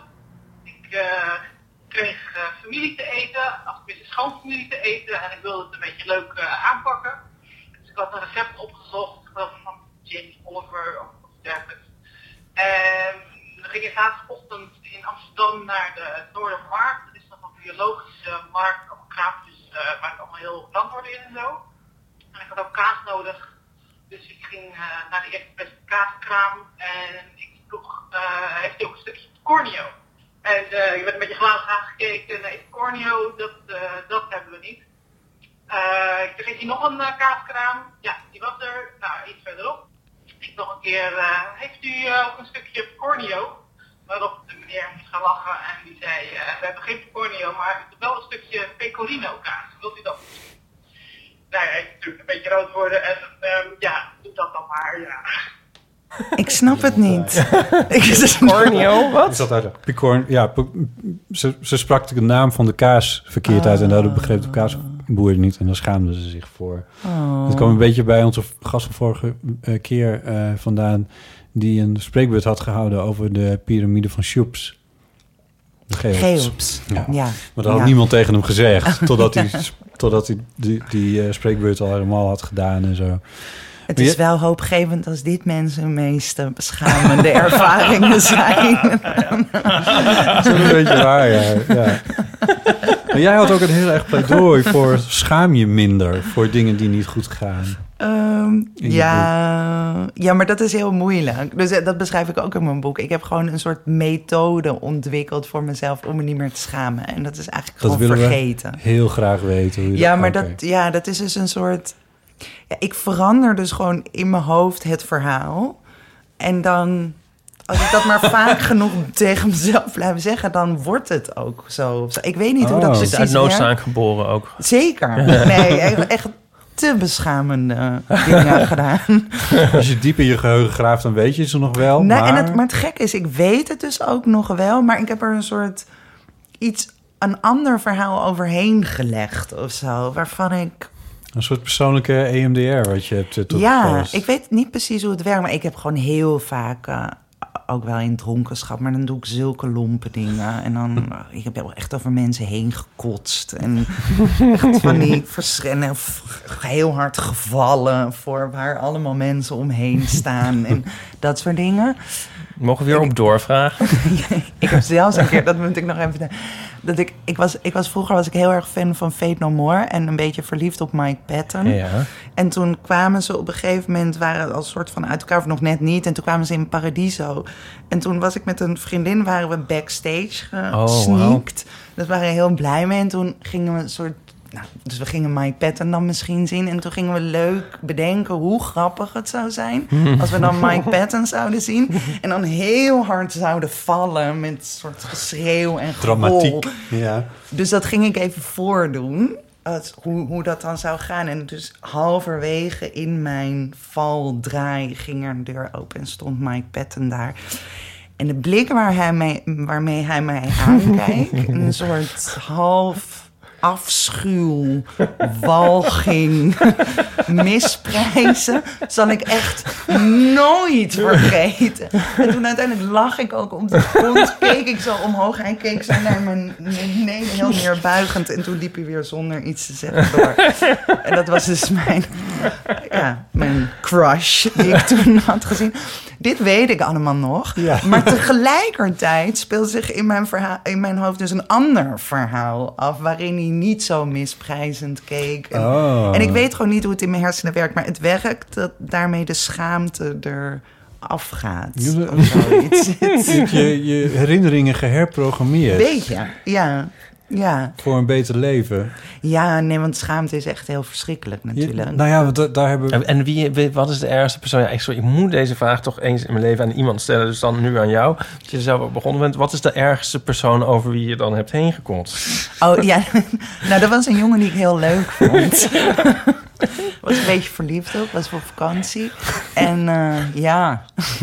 en toen, ja, toen ja, was op het strand. En toen we waren met heel veel mensen. En toen, en toen ik lag, of we waren allemaal soort op elkaar gesprongen. Ik lag onderop, hij lag op mij. En daar Je lagen allemaal kant mensen. op. Nee, daar lagen allemaal mensen op nog. En toen schreeuwde ik. Volgens mij moeten jullie nu allemaal van me af. En iedereen stoof weg. En hij was net te laat. En toen ging het zo over hem heen. Oh, En zo nee. is niks geworden tussen ons. Helaas. Ja. Maar goed, ja. Heb jij wel eens zoiets meegemaakt, Botten? Ja. Kijk, Ja? her- nee. Ja, nee. nee. Er gaat iets komen. Ja. Nee, maar dit is het ding met schaamteverhalen. Ja. Ik, ik, ik heb dat geblokt. Maar soms dan ineens, dan ben je ergens of met iemand... of je bent in een situatie of iemand roept iets... dat je ineens die herinnering weer hebt. En dat je denkt, oh nee, oh god, oh ja, dat is ook gebeurd. Ik kan het niet zo ter plekke oproepen. Oh, zo. ja. Ja, ja, ja. Schaamte is volgens mij heel erg jezelf door de ogen van een ander zien. Of, en dan... Ik vraag me bijvoorbeeld wel eens af... Volgens mij als je op een onbewoond eiland zou wonen... zou je. Nou, of als je daar opgegroeid bent, zou je je niet schamen. Maar het is als je... Hoe, hoe je denkt dat de ander naar je kijkt... en soms dan kan je die blik weer Ja, terughalen. enorm of dan, verhoogd zelfbewustzijn. ja, maar dat is ook alsof er een soort publiek in je hoofd zit, volgens Ja, mij. En dan, dan komt dat. Maar het is heel... Het is niet goed voor je. Nee, want dat heb jij dus geconstateerd... en je, en je Ja, bedenkt dan andere verhalen erover eh, omheen. Ja, dus Ja. ja. En het, inderdaad in, de, in mijn boek... Maar het is, ja, het is zo makkelijk om te zeggen... Ah, schaam je gewoon wat minder. Want ja, zo, zo makkelijk nou kom je nee, er niet voor je, vanaf. voor je het weet verandert het toch in een zelfhulpboek. Van, Ja. Zo kom je van je schaamte af. Nee, exact. Wat mij in ieder geval uit het hart gegrepen is... is jouw opmerking over eh, guilty pleasures. Ja, nou dat is ook zoiets Ja. inderdaad. The Greatest Song ja. van uh, Tenacious, Te- Tenacious D. Ik heb dat Tena- nooit uit- Tenacious. Ja, sorry, ik heb dat nooit uitgesproken. Ik heb het alleen maar gehoord. Tenacious ja, maar dat is toch ook zoiets? Zo van, Ja, ik oh, haat dat- die posters van die, van die festivals ook. Van, eh, Ja. over, de over het foute feest of zo. En dan, eh, dat is dan eigenlijk wat mensen dus gewoon, eigenlijk gewoon superleuk vinden. Ja. En zo. En inderdaad ook, eh, je hebt ook een heel Guilty Pleasure Festival en zo. En dan denk ik, Ja, ja, dan waar had je het- op? Het Ja, je had het ook bij de Wereldrijd Door. En dan, en dan vond ik het ook heel flauw dat sommige mensen dan, weet ik veel, zoiets heel verantwoord als guil- guilty pleasure. Ja. Dus dat is dan zo van alsof je daarvoor moet. Nee, het is gewoon Ja. heel stom. Het is gewoon heel slaat stom. gewoon nergens Als je het leuk vindt, dan vind je het toch leuk. Waarom ga je Ja. je dan verschamen? Ja, maar dat is dus ook weer door de ogen van de, de goede smaak of Ja. de mensen met goede smaak, dan zou je dat eigenlijk niet leuk moeten Nee. vinden. En, daar schrijf je nog iets anders interessants over. Is namelijk van dat nummer wat je gewoon eigenlijk heel tof vindt, wat, ook, wat ik ook een tof nummer vind, Wat ook, ja. zou jou nooit door Spotify worden aanbevolen. Nee. Ja, dat, dat hoofdstuk gaat inderdaad, of dat begint met dat nummer, over algoritme. Hoeveel tenosjes die achtigen zouden er op Spotify rondzwerven... die jij dus helemaal te gek zou vinden... maar die jou nooit zouden worden aanbevolen? Ja, Ik weet- heel ik weet ne- niet weer of daar ga ik heel aangewijs naartoe komen, maar of dit helemaal waar is. Want een mens zou dat juist moeilijk kunnen voorspellen. Terwijl statistisch gezien, omdat die computer weet van niks verder, zou het misschien juist wel eruit kunnen komen.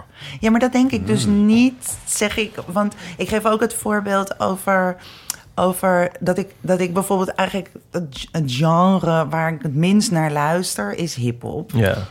Maar het nummer wat ik het allermeeste ooit heb geluisterd is van Kanye West. Ja. Is uh, Soul Pod. En een twee ene nummers, meest geluisterde nummers ook van Kanye West. En dat komt, volgens mij, weet ik niet precies, maar omdat Jay-Z uh, rapt daarop mee. Ik vind zijn stem fantastisch. Maar Jay-Z's nummer zelf vind ik weer niet fantastisch.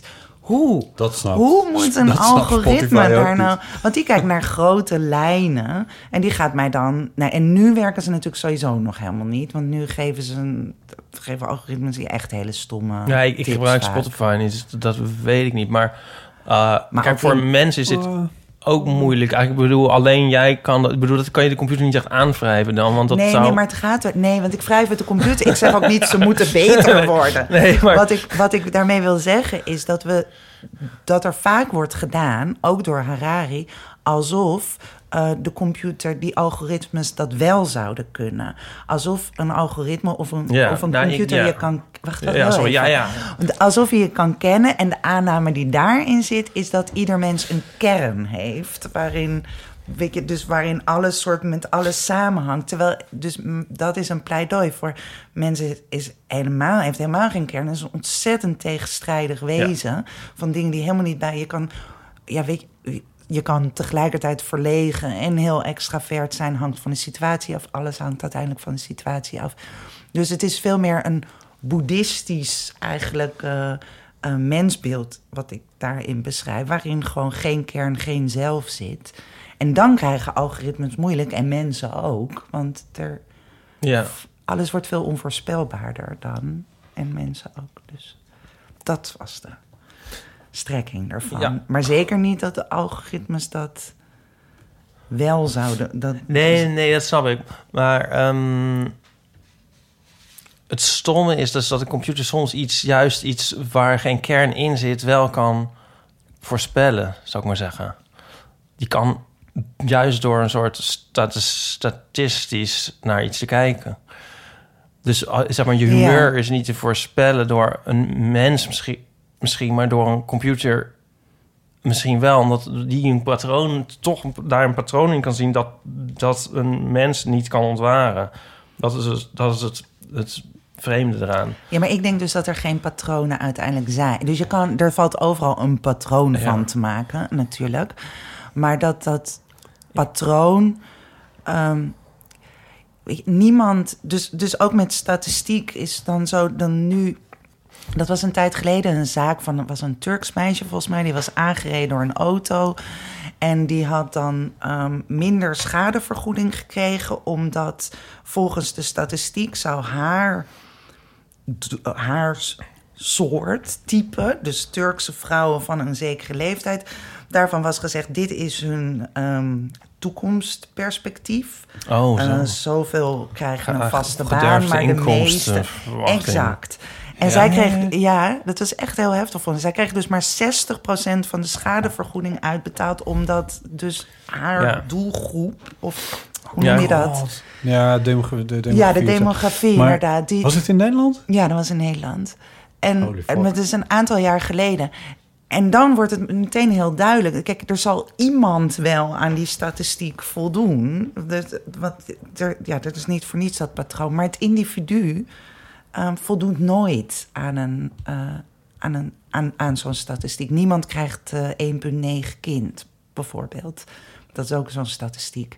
Dus het is altijd een, een ben je- ja, afkalving van ja. de werkelijkheid. Ik pleit hier niet voor, hè, daar niet van. Dus dat, dat, dat doe, ik, doe ik niet. Maar ik, ik, ik, ik heb wel bijvoorbeeld soms YouTube-suggesties die mij wel verrassen in, in hun accuratesse, zeg maar. Ja, Dus- maar ik zeg ook niet dat het nooit kan. nee, dat. Of, dus- of dat zit altijd meer. Ja. Natuurlijk, ja, er, Ja. Ze, ze zullen ook wel Ja. goede zijn. Maar het ging me meer om Ja. het idee dat een mens kenbaar zou zijn, eigenlijk. En dat denk ik niet. Niet voor een mens, niet voor jezelf. Ik denk ook niet dat je.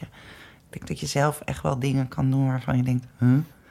Hoe, wat, die zag ik niet aankomen. dat ik zo zou reageren. Ehm, eh, ja, en dus ook niet door een computer gekend kan worden. Dat was de strekking ervan. Ja, moet je een klein beetje agree on to disagree. Maar het is wel... Ik heb trouwens de aanrader, de documentaire gezien over eh, Tim Krabbe en Ferdi E. Oh ja. En ehm, dan gaat het over hoe Ferdi E. dan ook zichzelf verrast door die moord te plegen, die ontvoering. Het is echt heel interessant en hoe die later dan ook een soort... eh, nou, ja, dit sluit wel aan bij jezelf kennen en zo. En iedereen eigenlijk als mensen dat eenmaal weten, familie en zo, dan denken ze van, oh ja, ja, nu je het zegt, oh ja, was hij dat? Ja, het verbaast ons ook weer niet helemaal. En zo. Wat mooi. Ja, het is een heel extreme daad natuurlijk, maar... ehm, Het is een beetje de vreemdeling van Camus. Waarin de hoofdpersoon ook iemand op het strand doodschiet. Maar eigenlijk zonder reden. En dan is een boek, hè? Een Ja. roman. En Ja. dat, dat- maar dat ook dat, Glazen dat de mensen daar zo onbegripvol over zijn. Dat hij een soort monster wordt. Maar hij weet zelf eigenlijk ook niet precies waarom hij het heeft gedaan. Ik geloof daar toch wel heel erg in. In het... eh, eh, ja, dus dat is ook weer in het niet gestroomlijnde, in het verrassende, wat je ook Ja. voor jezelf eh, kan hebben. Verras jij jezelf vaak? Vraag je dat aan mij? Ja. Eh, of ik mezelf vaak verras? Ja? Met reacties die ik niet van mezelf had verwacht? Of door iets te doen of zo, door te denken van... hé, hey, ik ontvoer nu een aanhod, topman, misschien een dood. Nee, niet Ja. extreem, maar... eh, gewoon, Die zit nu opeens vastgebonden in mijn kelder. wat is Huh? de laatste keer dat je dacht van... wat ben ik nou aan het doen? Dit doe ik normaal nooit. Nou... Eh, Ja, nou, ik weet niet of ik me hier nou voor ga schamen of niet. Maar in ieder geval met, eh, met daten misschien wel Ja? eens een keer. Dat ik denk van, oh, wat ben ik nou weer aan het doen? Met wie of zo? Ja, wat of met wie? Ja, beide, beide wel. Ja, Jesus. Ik ga nu echt niet in detail treden. Maar Ja, nou. dat is een typisch zo'n terrein waar, waar, je, waar je dan af en toe... Dat je denkt van, oh fuck, wat is dit? En eh, wat ben ik nou aan het doen? Ja. Zo herkenbaar. Ja, oh, gelukkig. Is ook wel leuk, toch? Als je eens dan een beetje anders Ja, kan zijn. ja. Of is dat eigenlijk gewoon Nou, ik zit er even over na te denken, want... eh, ik, zit, ik ga naar de lange inleiding, nee, de korte. Ehm, heel af en toe gebruik ik Grindr om te daten. Ehm, nu weer even niet, omdat soms ben ik dat ik ook weer even helemaal zat. Maar ehm, ik, ik, ik heb echt een enorme haat-liefde verhouding. Weet je wat het is? Ja, ja, ja. Ik heb een enorme haat-liefde verhouding met, met Grindr. Ehm, omdat ik er leuke mensen heb leren kennen. Maar ook dat ik soms mensen ik denk, nou nee, echt niet. Maar ehm, heel af en toe komt er dan een afspraakje uit voort. En dan kom je ineens ergens of bij iemand dat je denkt van... ja, maar jou had ik dus echt nooit op geen enkele andere manier kunnen ontmoeten... dan nu en hier en dit. Ja, En dat, dat, dat heeft Grindr dan gedaan. En ik bedoel, de ene keer pakt het dan leuker uit dan de andere keer. En de ene keer pakt het op het ene vlak leuker uit dan op het andere vlak. En noem het allemaal maar op. Het is heel... Maar daar... dat is wel heel mooi. Want dat, Mm. Ja. daar- dat geeft dus wel ruimte voor toeval en voor onvoorspelbaarheid Ja. eigenlijk. Ja, dan fiets je eens een keer een straat in waar je anders echt nooit was nooit was terecht was gekomen. Dat is dan nog het En zijn dat, ook, zijn dat ook mensen die je echt nooit in de kroeg tegen zou kunnen komen? Of in de supermarkt? Ja, misschien Of- wel, maar ik, zie- ik hang niet meer elke avond in, eh, in de kroeg. In een supermarkt loop ik toch met mijn, met mijn oordoppen in. Ah, Eh, je bent ja, zo een. Ja, zo een ben ik. Ja, ik, Heb jij wel eens een date uit de supermarkt ga, ga Nee, overhalen? maar ik ga al zo lang eh, met Dat je je vriend dat ik dramatisch helemaal over het, over het brood hebt laten vallen. Hi. Nee, maar je hoort het wel eens soms Ja? in de supermarkt. Maar ik, ik, ik zie dat ook niet helemaal. Ik ben echt een moet. hopeloze flirter ook. eh, Ja. dat betreft. Ik- Ja, ik ook. voel me eerder betrapt als iemand me terug aankijkt... dan dat ik denk, oh, wat leuk. Ja, en ik, heb- ik heb hele slechte ogen. Dus ik zie, ik zie sowieso niet als iemand me aankijkt. Dat helpt Dus ook niet? Nee. Nee. Oh. Ja, oh ja. Ja, misschien moet ik wat meer, minder oordoppen in in de supermarkt. Dat hè? volgens mij wel. Dat is wel... Dat is eigenlijk een beetje... Nou ja. Is het asociaal? Vind je het asociaal? Mag je zeggen. Ehm, nee, niet asociaal. Maar... Nee. nee, dit is ook weer in het algemeen gewoon... dat, dat eh, ja, zoveel mensen met oordopjes inderdaad lopen... en op hun telefoon. Ja. En ehm, ja... Ik moet niet eens... Sorry. oh. Ga je gang. Nou, wat ik zie bij in ehm, de sportschool, dan zie je mensen met elkaar, die zijn daar met z'n tweeën. Dat zijn vaak jongens, niet zo oud. En die zijn er met z'n tweeën en ook aan het praten. En die hebben oordopjes in. Ja?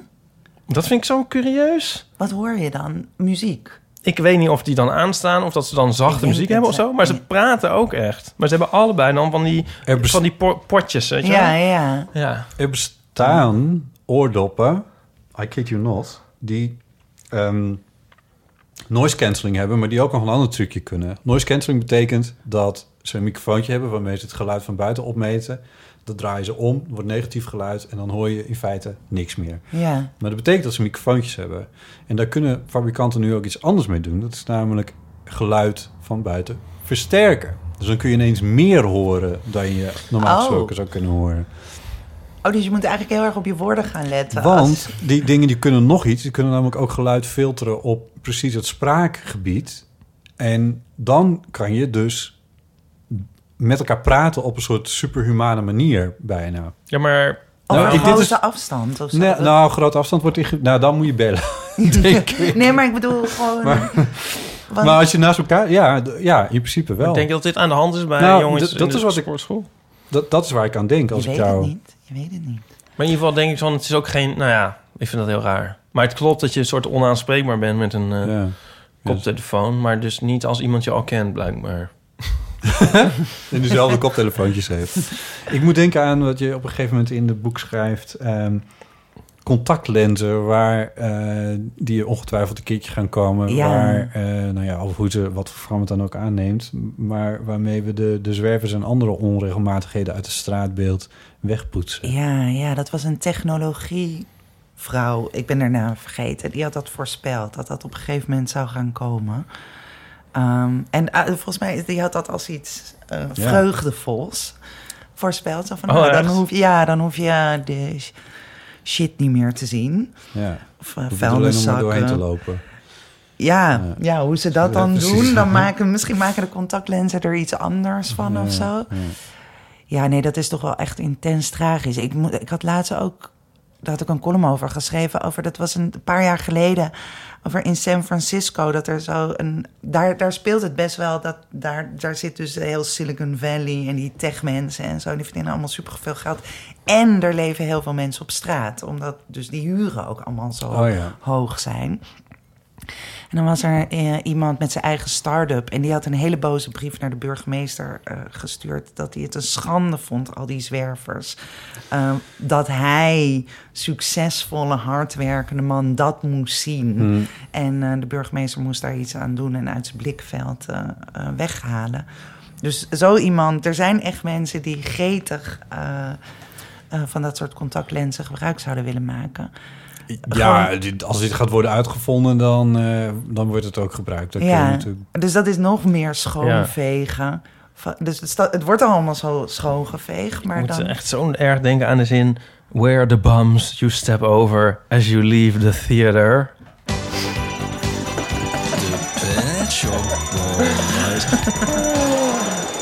is lang geleden, hè? Dat is lang geleden, ja. Ik zat er eigenlijk al te wachten. Elke keer moeten de Pet Shop Boys even ter sprake worden gebracht. Leuk, leuk. Ja, Door Ipe. het is het citaatje uit het lied The Theater van Very, de ik denk één na beste cd van de Shop Boys. En het gaat, er was naar aanleiding van een parlementslid dat had gezegd dat het zo vervelend was als je het theater verliet, dat je dan over de bums heen moest stappen. Die daar allemaal, de, de daklozen die daar dan lagen. Ja.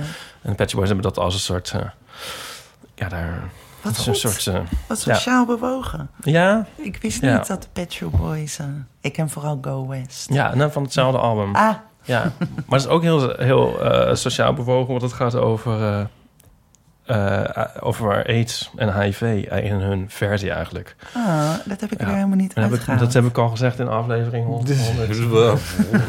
Nee, dat, want dat ging vroeger nog heel kort dan, anders knip je maar uit. Over, in de tijd van de Village People eh, was dat soort de, de gay droom van... oh, we gaan naar de West Coast en daar kunnen we het leven leiden Ja. wat we willen. Ja. En in 93, toen zij dat opnamen, toen was die droom zeg maar verstoord door Toen de Pet Shop. Boys het Ja. opnamen. Ja. Ja. Dus er was een soort, soort, soort een beetje wrange, eh, bitter, zoete herinnering van... Ja, door dat nummer op dat moment weer onder aandacht te brengen van... hé, hey, dat is dus eigenlijk niet meer. ja, wat mooi. Ja. Wat doen, wat doen zij nu? Nou... 24 januari Oh, verschijnt hun nieuwe album. Hun... mm, weet ik niet, veer- 14e album? echt? 14e album Hotspot. Ja, die naam die is een beetje moeilijk. Ehm, ja, daar is al een single van Dreamland. En daar hebben ze nu een andere albumtrack van eh, ook uitgebracht. Burning the Heather. Dreamland best een leuk nummer. Best een leuk nummer. Nou, hè, als Botte dat al zegt. Ja, ja. De onderhand niet eens meer ja. Burning the Heather speelt Bernard Butler gitaar op. Het is een gitaarnummer, Botte. Zo. Ja, eh, zoek het op. Ja. Eh, ja, 24 januari verschijnt het hele album. En ze spelen in mei in AFAS. Oh, Komt dat alle. is eh, de Bijlmer Bierhal, toch? Ja, Ja. ja. Cool. Oh, Ja. Ik heb je wist kaarten? helemaal niet dat ze er nog waren. Ja, natuurlijk. Wat goed. Ja, ja, ik koop ook een kaartje. Het is maar 66 euro. Wat? Kapitalisme. Ja, ja, het is eh, heel duur, maar goed. Het is natuurlijk elke cent Ja, waard. ik heb wel eens meer geld uitgegeven aan een kaartje voor een concert, laten we wel weten. Ja? Ja. Wel, hoeveel voor wat? Het- ik denk dat het duurste kaartje dat ik ooit voor één concert heb gekocht. ehm, oh, nou, ik, denk, nou, ik denk Madonna in, ja. in Gelderdoom. Dat is ook honderd jaar geleden. Ja, ja, toen dacht ik, fuck it, voor één keer. En dat was toen ook ergens 70, 70 75 euro of zo. Toen al, dus dat zal nu zal dan zeker keer twee zijn gegaan Ja. onderhand. Maar eh, ja, ik heb vorig jaar nog een keer... Oh, ga ik dit zeggen? Ja, ik schaam me er ook niet eens voor. Het is geen guilty pleasure, het is gewoon een pleasure voor mij. Ik vind Coldplay gewoon helemaal te gek. En heel veel eh, liefdesherinneringen aan, aan, eh, aan een eh, album van hen, van lang geleden. Maar vorig jaar speelden ze in datzelfde aanvas. Eh, en toen dacht ik, oh, misschien is er nog een kaartje. 400 euro. Ja, echt. Toen Wat? dacht- Maar ja, dat dat, was een of toen ander VIP-kaartje of zo. Nee, nee, nee, Oh. nee, Ah, nee. nee. Nee, Oh, 400 dat euro niet. Nee, joh. Nee. Wauw. Oh ja. Coldplay gaat nu niet op tournee, las ik dus ook vandaag. Ja. Omdat dat slecht voor het milieu is. Sorry.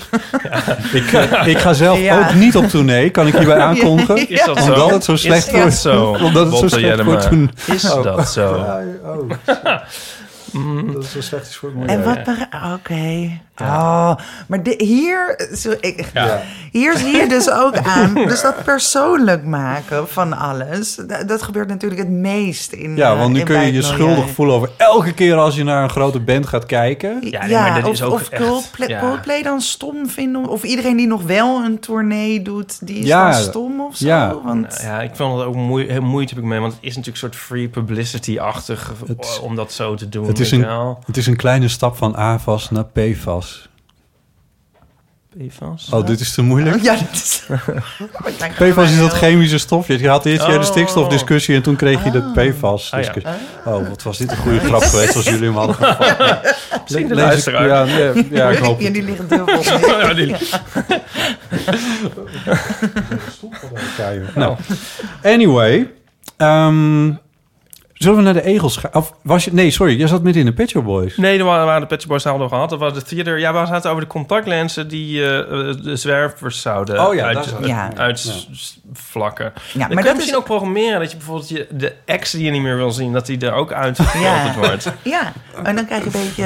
eh hoe heet Een het? lege Eternal stad. Oh. Ja, Ja, ja, ook een lege stad. Ja. Maar het is dus ook allemaal weer een manier om maar dus niet ja, om alles binnen te houden. Ja. of Zo. En alleen Ja. nog maar naar jezelf te Als je heel kijken. misogyn bent, dat je denkt van nee, vandaag geen vrouwen. Ja, allemaal weg. En ik heb hier ook weer dubbele gedachten bij. Want ik ben dus zelf echt een enorme fan van noise cancelling headphones. Ik vind dat echt een zegen en een beste uitvinding sinds gesneden brood. Ja? Waarmee, ja, waarmee je het, het lawaai van de stad eens even uit kan zetten. Ik bedoel, ik heb het echt niet de hele dag aan hoor. Ah. Maar dat het dus even uit kan. Wel- Welk lawaai? Wat, wat is dan... Nou ja, de, de- je, je hebt hier wel wat verkeer in de, in de straat. Maar je had ook, ik, ik, heb, ik had heel zware verbouwingen rechts Ja, aan die kant en links ook aan die kant. Eh, andersom, maar in ieder geval. Maar ik denk, want, want dan- eigenlijk is dat een beetje hetzelfde als die ja, contactlenzen. da- ja. Want het is toch, want ja, in een stad leef je samen, leef Ja. je dicht op elkaar, je hoort je Ja. buren. Je... Nee, maar als mijn buurman piano speelt, prima. Ja. Dat vind ik niet heel erg. Ik speel Nee. zelf ook wel eens wat gitaar en ik heb ook wel eens wat muziek. En dat, dat, dat kan ik wel handelen. ja. Maar ja, dat bouwen snap ik wel. Maar ja, maar, ja. maar toch, ja, je wil... voor luxe appartementen, Ja. nou, Ja, dat is hotels, fout. Dat hotels mag in dit geval. Het waren twee keer, twee keer Echt? hotels. Ja, Nog meer? ja, ja. Het is toch ongelooflijk? Wat we echt moeten, even nog aan moeten snijden voordat eh, dat, dat, dat ter sprake moet komen, is onze gast van volgende week. Ja, dat is Want dan ben ik dan wel ja. heel erg benieuwd wat Marjan... Ja, eh, zo'n boek ligt, eh, ligt daar eh, eh, nog een beetje ingepakt. We heeft nu net een lu- luxe editie uit. Oh, hè? Oh, Nummer twee. Heb je dit gelezen? Die, die komt dus volgende week. ja. Ehm, nee, ik kan niks meer zeggen, want hij komt volgende week. Misschien luistert hij dit. Heb je het gelezen? Ja, we moeten nu wel even vertellen wat, er- Ja, wat dan er ga- nu- ja. Nee. Eh, zal ik dat vertellen? Volgende week is de gast eh, niemand minder Dan? dan? Rick Pastoor van het door Botten zo bejubelde boek. Ik pak het nu uit. Ja, dat is goed. Grip. Waar we het hier elke keer over hebben. Echt? Nou ja, oké, Botten ja. heeft het eigenlijk elke keer over. En dan denk ik van, oké. Maar dat is dus precies het tegenovergestelde van mijn boek eigenlijk. Dit, dit is waar ik me zo tegen verzet. Daarom, daarom wordt het een soort tweeluik wat we nu aan het maken zijn. Ja. Het is een soort zelf, zelfhulp november hebben wij. Ehm, ja, nee, maar heb je het, heb je het gelezen? Ik heb het nee, nee, maar ja. ik weet Ja. het ongeveer. En ik vond het ook zo typisch. Even kijken of dat hier ook... oh nee, oh, het Ja. is echt een hele chique... Nee, maar er waren allemaal aanbevelingen. Ja, oh ja, hier. Ja, de blurb. Ja, de blurbs. En die zijn ook allemaal van chief governance, risk, compliance, nog wat founder en training van future. Ik denk, ja, Ja. logisch dat Alexander Klupping. product manager X. Ja, het zijn allemaal van die mensen waarvan ik zou denken, nou, een aanbeveling van jullie, eh, weet ik, maar het gaat allemaal om, ja, beter en slimmer werken. Ja, Ja. ja. Maar, ik zou liever de werkplek en het arbeid zelf Ja. wat eh, veranderd zien. Ja. Ik denk dat ik dat wel met je eens ben, maar ik... Dat ik- wil ik je volgende week ook horen zeggen. Eh, ja, dat gaat ook echt wel gebeuren. Alleen het, het was met dit, want dit erken, onderken je zelf, hoe zeg je dat? Erken je zelf ook in je boek. Bram de Wijs heeft het een blurb. Oh, sorry. Ja, die Bram de Wijs. Eh, maar ehm, ja, die heeft ook een blurb in het boek, ja. Ehm, en Marjan, jij schrijft, ze, zegt, schrijft daar ook over van... ja, maar dat systeem veranderen, dat valt nog niet Nee, mee. dat is waar. En, Ja. en ik, eh, hoe sympathiek ik je boek ook vind, vraag me heel erg af. Ik zou, ja, ik bedoel, hoe, hoe, breek, je, hoe, hoe breek je het systeem? En het moet Ja. ergens beginnen, dat snap ik allemaal wel. Maar ik denk van, oh, dan moet ik dat ook nog doen. Ja, nee, dat, dat is waar. Dat kan een extra last zijn. En het is ook niet...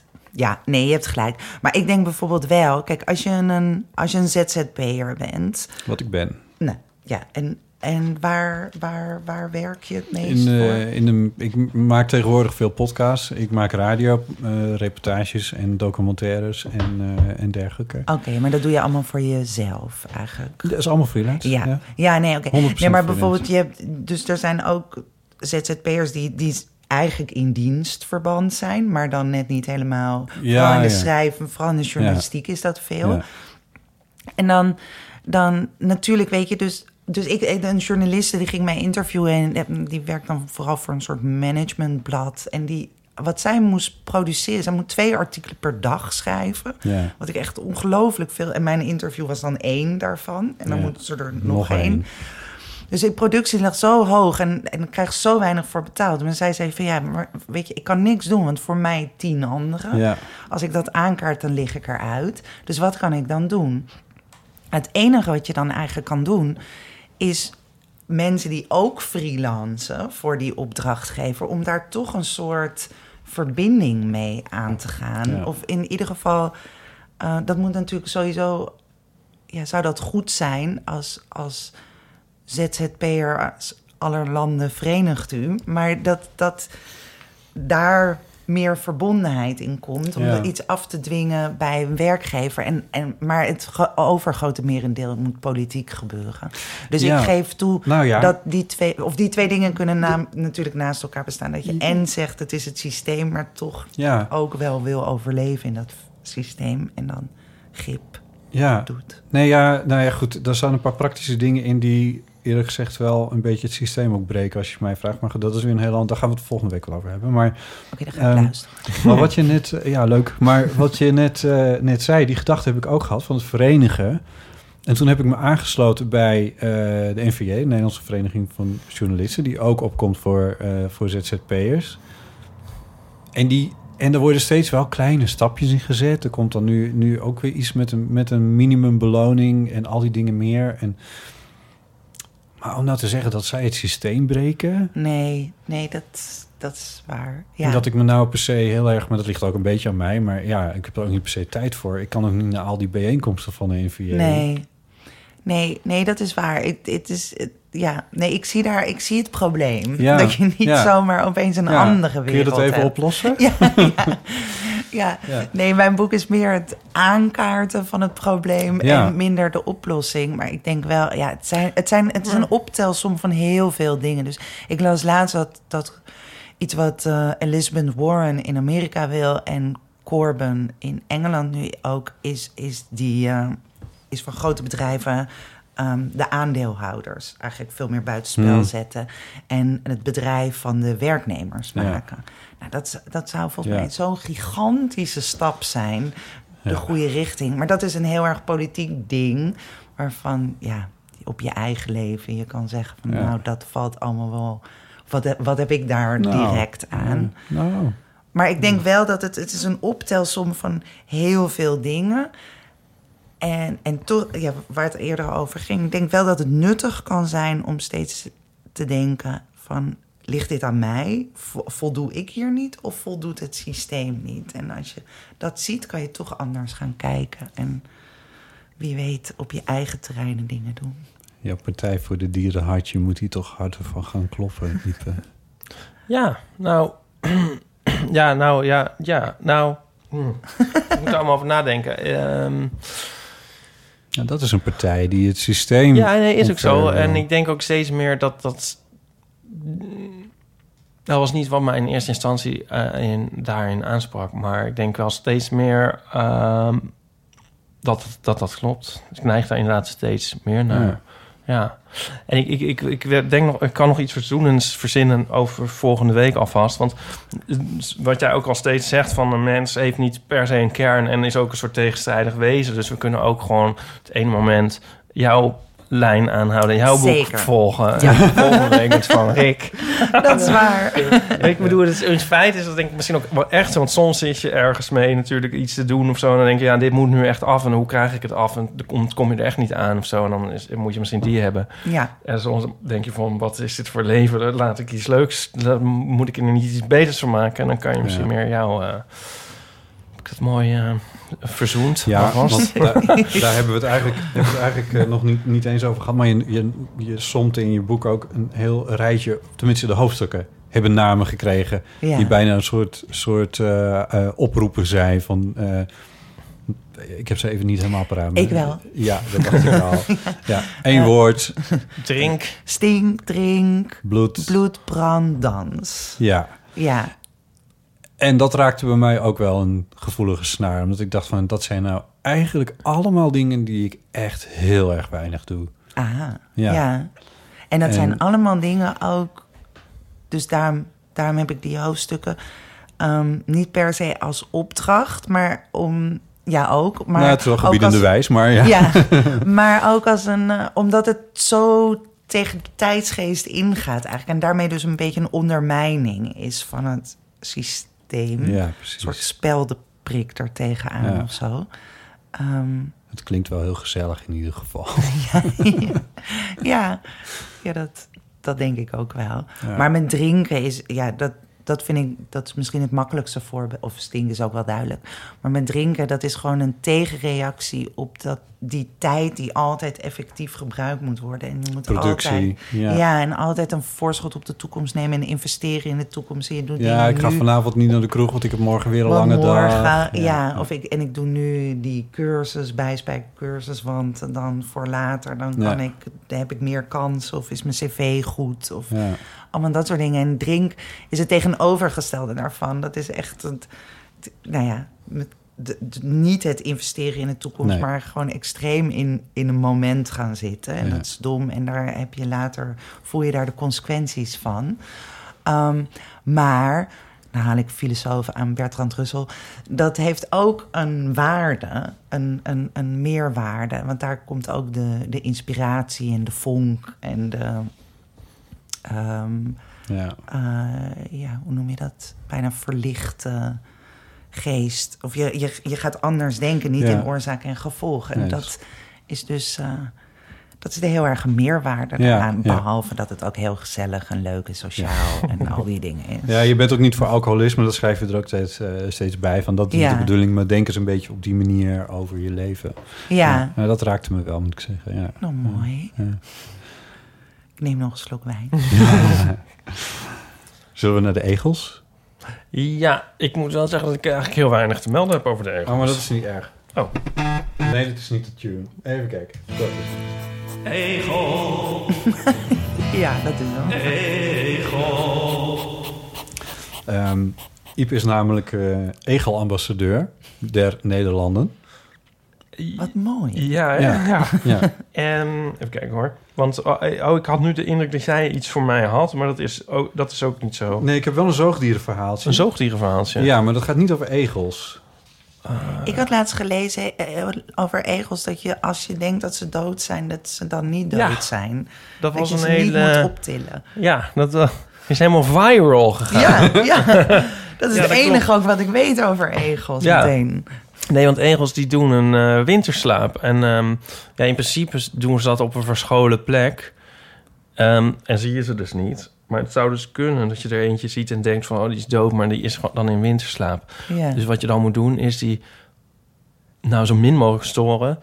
Eh, en eventueel met wat bladeren bedekken of En zo. niet wat meer. weggooien. Maar zeker er. niet weggooien. Wat niet ik in een container gooien. Ja, wie zou dat doen? Waarom ja. zou je dat überhaupt doen? Ja. Nou, als je denkt dat hij dood is, dan laat je hem niet liggen. Waarom niet? dat Nou, is dat toch is de toch ook niet- natuur? Daar eten Ja, dan weer kleine Nee, oké, kijk, als je van. ergens in een bos een, een dode egel, dan, dan redt het zich wel. Maar op straat, dat is natuurlijk niet de bedoeling.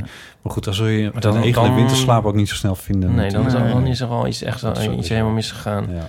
We hebben ooit hadden we onder ons raam een eh, ja op de Uithof was op de op de universiteit een verschrikkelijke stank en het was echt echt echt soort tot tot tot, tot het punt dat we dachten we moeten nu ontruimen want dat, dat is er aan de hand Ja. tot iemand dan eindelijk buiten ging kijken en toen lag er een rottende haas of konijn weet ik veel Oh, en ehm het was echt echt zo erg en ehm Met maden ook en zo daarin. nou, dat, dat weet ik niet. Maar eh, sindsdien weet ik die soort geur. En dan loop je soms ergens en dan denk je zo van... Maar pas sinds dat incident en dat ik ook dat kon- konijn ook zag... ja. Weet, heb ik het geleerd te herkennen. En denk ik soms van... Oh, daar ligt, iets, daar ligt een... ja, Dood wat ligt er dan in de stad zoal, denk je? Wat zou er in de stad vooral liggen? Muis. Rat. Steeds meer ratten. ja. Rottende ratten? ja. Ja, en die bespringen je ook. Rottende Nou. ratten. Die rottende ratten die je bespringen. Oh, ja. gebeurt Maar dat is, dat is een beetje zo de rafelranden van... Hé, hey, Ja, rottende ja. rat. Ja, dat juich ik ook enorm toe. Ja. Oh ja, maar winterslaap. Ja, nee, dus de egels gaan nu in winterslaap. Ik kan wel iets zeggen over de winterslaap. Ja, zeker, Heel kort. Ehm, ik heb het hier, dat, en dat ontleen ik even van onze eigen... eh, Merel? Nee, nou onze eigen website eh, van de Ego-werkgroep. Ehm, de winterslaap, een complex proces. Ehm, want we weten helemaal niet hoe het komt dat... De, hoe, hoe weet een dier dat hij in winterslaap Ja. moet? Maar dat Mhm. weten we dus niet. Dat zeg ik ook gelijk bij. Oh, Ja, Maar, dat is hetzelfde als hoe weet een dier dat hij naar het zuiden ja, moet dat weten we dus ook niet. Nee. Er zijn er toch veel mysteries in het Ja, leven. zo snap Ja. ik niet waarom ik wakker blijf tot april. Tussen de- Nee, maar dat is niet zo'n slechte vraag. Ja, want dat, dat of heb ik dat al eens gezegd? Ehm dat was een keer in een, eh, een documentaire eh, met Daniel Dennett. En toen vroegen ze... Dat heb ik al eens gezegd, denk ik. Ehm, Komt me nog niet bekend voor, maar ga de functie van slaap. En waarom mensen slapen. En dat dat wonderlijk is. En toen zei Dennett... Ja, je moet de vraag omdraaien. Waarom zijn we wakker? Ja. Oh, dat is zo goed. Ja, ja, maar dat is ook de, een van de grootste vragen in de natuurkunde is... waarom is er iets in Ja. plaats van niets? Dat is hetzelfde. Want ja, waarom Ja. is er eigenlijk iets? Ja. Weten ze niet. En wat was er voordat er iets was? Ja, ook nog. Ja. Ja, en hoe, tot hoe ver strekt het iets zich precies uit? en waarin dijt het uit? Ja, ik heb er boeken over gelezen. Ehm, ik kan me nog herinneren dat die vraag ook in mij opkwam als kind. En dat ik toen dat heel, eh, hoe zeg je dat? Overdonderende vraag vond. En toen dacht, oh, dat moet ik dan morgen op school vragen. En dat ook deed. En toen soort helemaal eh, ja, enorm teleurgesteld was dat daar dus niet een antwoord op kwam. Het is wel Ja, vrij briljant dat je die dan als Ja. kind al had bedacht. ja. Ja, het schijnt toch vaker voor te komen. ja. Maar ik kan nog steeds die soort, soort verplettering van die vraag nog steeds wel eens voelen. Als ik wil. Maar dus toen was, zag ik een boek over en toen ging ik dat lezen. En ehm, dat was niet, ook niet heel bevredigend. Ja, natuurlijk kan het niet bevredigend zijn. Maar ja, nee. ja, maar oh, dat was trouwens niet eens in het boek. Ik heb er ook een keer op YouTube volgens mij een filmpje over gezien. En toen zei iemand, maar als je niets... dat kun je helemaal niet postuleren als een soort... je roept dan iets in het leven wat er helemaal niet is. Er is helemaal niet een niets. Ik leg het even. Diepe laat het stilte. Er Er was, even, er was even niks, ja. Als je Ja. je voorstelt, je kan je vo- voorstellen dat er niets is, maar je, je, je denkt dat je voorstelt dat er niets is, Ja. maar je stelt je daarmee eigenlijk niks voor. Want er is niet iets wat correspondeert met niets. Ja, ja. Alsof je aan nul olifanten denkt. Zoals in de Never Ending Story. Ja, ja. Daar heb je het niet. Dat stel ik me er dan bij voor. Ja, maar als je denkt over de werk... Ik bedoel, wat zou dat kunnen zijn? Nou ja, ik bedoel, ik, weet, ik Ja. vind dit ook niet een super bevredigend antwoord... maar wel een soort van antwoord. Maar dat is in diezelfde omkering. Maar we... ehm, dus wat Dennis als, eh, zoals Dennis zei over slapen... dus van, je hebt een bepaalde tijd nodig om wakker te zijn... waarbij je moet eten en Ja. alles moet doen. En de rest van de tijd slaap je gewoon. En als je die, al die dingen niet hoefde, dan kon je altijd slapen. En ehm, nou, egels kunnen dat dus in de winter. Die kunnen dan lekker doorslapen. Ehm, ja, en je kunnen dus dan best wel dood overkomen. Want hun lichaamstemperatuur die gaat naar 2 graden. Twee. Wauw. Ja. En de hartslag en ademhaling dalen tot slechts enkele keren per minuut. Wow. Twee graden. Ja. En is het dan koud? Nou, ze slapen, hè? ja, Ze eh, pieperen niet? Oké. Nee. Ehm, ze teren dan op hun vetreserves natuurlijk. Dus dat is dan zaak dat ze genoeg gewicht hebben... voor ze in die winterslaap geraken. Ehm, en normaal kan een egel in 16 uur zijn vetreserves eh, ja, verbranden. Als hij er niet, niet door eet, zeg maar. En in de winterslaap doet hij er 120 dagen mee. Jeetje. Wauw. Ja. En eh, na de winterslaap is hij zo'n 20 tot 40 procent van zijn lichaamsgewicht kwijt. 20 Nou procent? 20 tot 40 procent. Oh. oh. Ja. Ah. ja. En ik vind het dus een heel geinig idee dat als het winter is en je loopt dus langs een heg, dat daar misschien al een soort slapende bolletjes in liggen. Ja, wat lief. Dat is wel mooi En een bier. Ja. Maar eh, zouden de egelverhalen dan nu ook opdrogen? Ja, dus ik denk dat misschien onze rubriek ook een beetje in winterslaap moet. Oh. Tot eh, het, het, het krieken van de lente. Nee, dat is niks. nee, je weet wel wat ik En de bedoel. Zie je, dat is nou niks. tevoorschijn komen. ja. ja, maar ehm, stuur vooral in of zo. Ja, Laat natuurlijk. het weten als Ja. je toch een egel ziet. Als je er per ongeluk eentje verstoort in eh, zijn of haar winterslaap, wat we niet hopen. Kan je hier boete doen? Ik weet het niet. Nee, Ja. dit klinkt als een oproep. Nee, maar eh, Of ja. misschien herinneringen aan. herinneringen aan de egel. Ze komen er wel. We gaan eh, even kijken hoe het eh, uitpakt. Ja, mail dat naar ipe.eeuwvanamateur.nl. Dan komt het allemaal op de juiste plek terecht. Oké. de, de Egelwerkgroep gaat wel min of meer door. Ja, dat weet je ook niet. Ja, We zullen zien. met een... met- ja, nou, ja. Bepaal jij dat niet als Twee. ambassadeur? Op 2 graden Celsius Nee. met één hartslag per minuut. Ja. Vorige week hadden we het ook eventjes over cryptozoologie. En dat was volgens mij ook weer de week daarvoor dat we het daar ook over hadden. Ehm, en er mailde iemand over, helemaal vanuit Australië. Ehm beste botten in Ieper wordt er gemaild. Eh, dit is dus dat zoogdierenverhaal waar ik, eh, waar ik het over had. Eh, vorige week hadden jullie het over cryptozoologie. En ondanks dat ik daar nog nooit van had gehoord... heb ik wel met een cryptozoologisch wezen te maken. Ik werk in een ecologisch onderzoekscentrum in Otway National Park in Australië. Dat zal ik ook wel verkeerd uitspreken. Het verhaal gaat dat er hier in het bos panters leven. Er is een Otway Panther Research Group... En om de zoveel tijd staat er een pixelige foto in de krant met een spannende titel over dat er weer één gezien is door een boer of een wandelaar.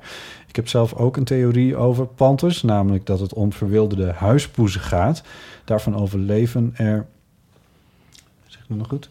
Daarvan overleven er drommen in het wild en ze zijn vaak heel groot en zwart.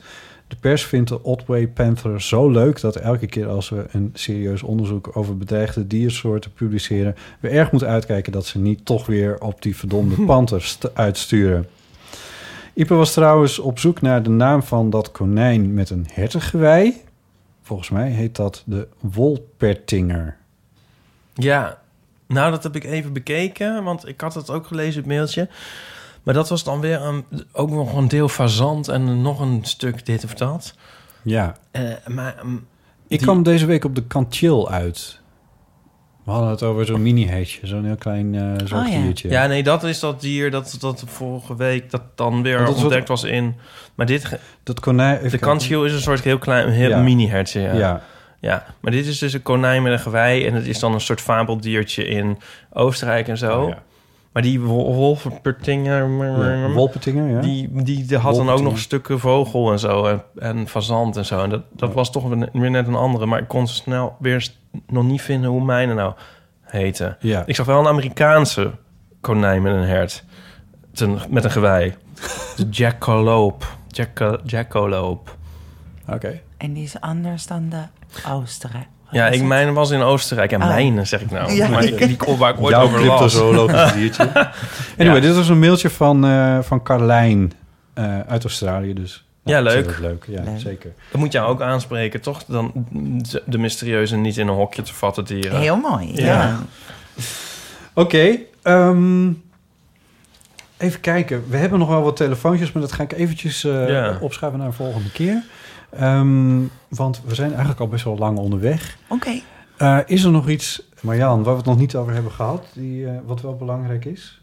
Weet niet. Nee. Titel van je boek natuurlijk. Ja, nee, qua boek zijn we oké. Ja. Ja. Zelfverwoestingsboek.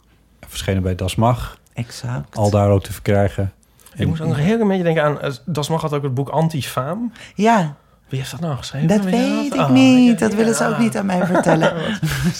Oh, dat is geheim. Dat is geheim. Oh. Dat is een Weet jij het wel? beroemdheid. B, beroemdheid. Een C. B-beroemdheid. Ja, dat zegt hij zelf. Of ze. Nee, ik weet het Hm. niet. Ik had het idee in... eh. Huh, hè? Ik Ja. had ook een idee in huh. Maar waar leid je dat uit af? Nou, Aan de schrijfstijl? ja. Ja, Ik weet het. Ik, hm. ik toch ook mee, ja. Maar dit, dit, laat je, dit, dit boek is wel... ehm, dit, jouw boek heeft toch wel veel meer te vertellen dan het boek Antifaam. Nee, dat was wel een leuk boek, maar Antifaam. Maar dit is, ja, dit is, wel- het is niet, eh, in die zin toch niet te vergelijken. ik heb Antifa maar een klein stukje Ah, ja, gelezen. ja, nee, precies, ja. Nee, neem eens niet te vergelijken. Nee. Nee, zelfverwoestingsboek is een aanrader, luisteraars. Ehm, oh ja, dat is wel leuk.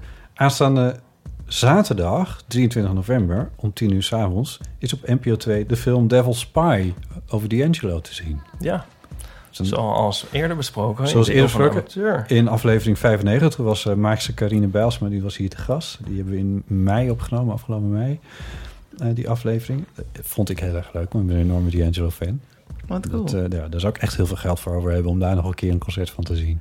Dat, Maar dat is een Nederlandse vrouw die die film Carine, gemaakt ja, heeft, toch? Ja, ja, ja. Oh, heel benieuwd naar. Het is een fantastische documentaire. Dus dat, eh, ja, dat hij op tv komt is eh, helemaal terecht en van harte aanbevolen ook. Even kijken, nou, we zijn het eigenlijk wel een beetje doorheen. Ergens in je verhaal, wat je hier vertelde, zei je dat je aangevreven werd dat je romantisch was.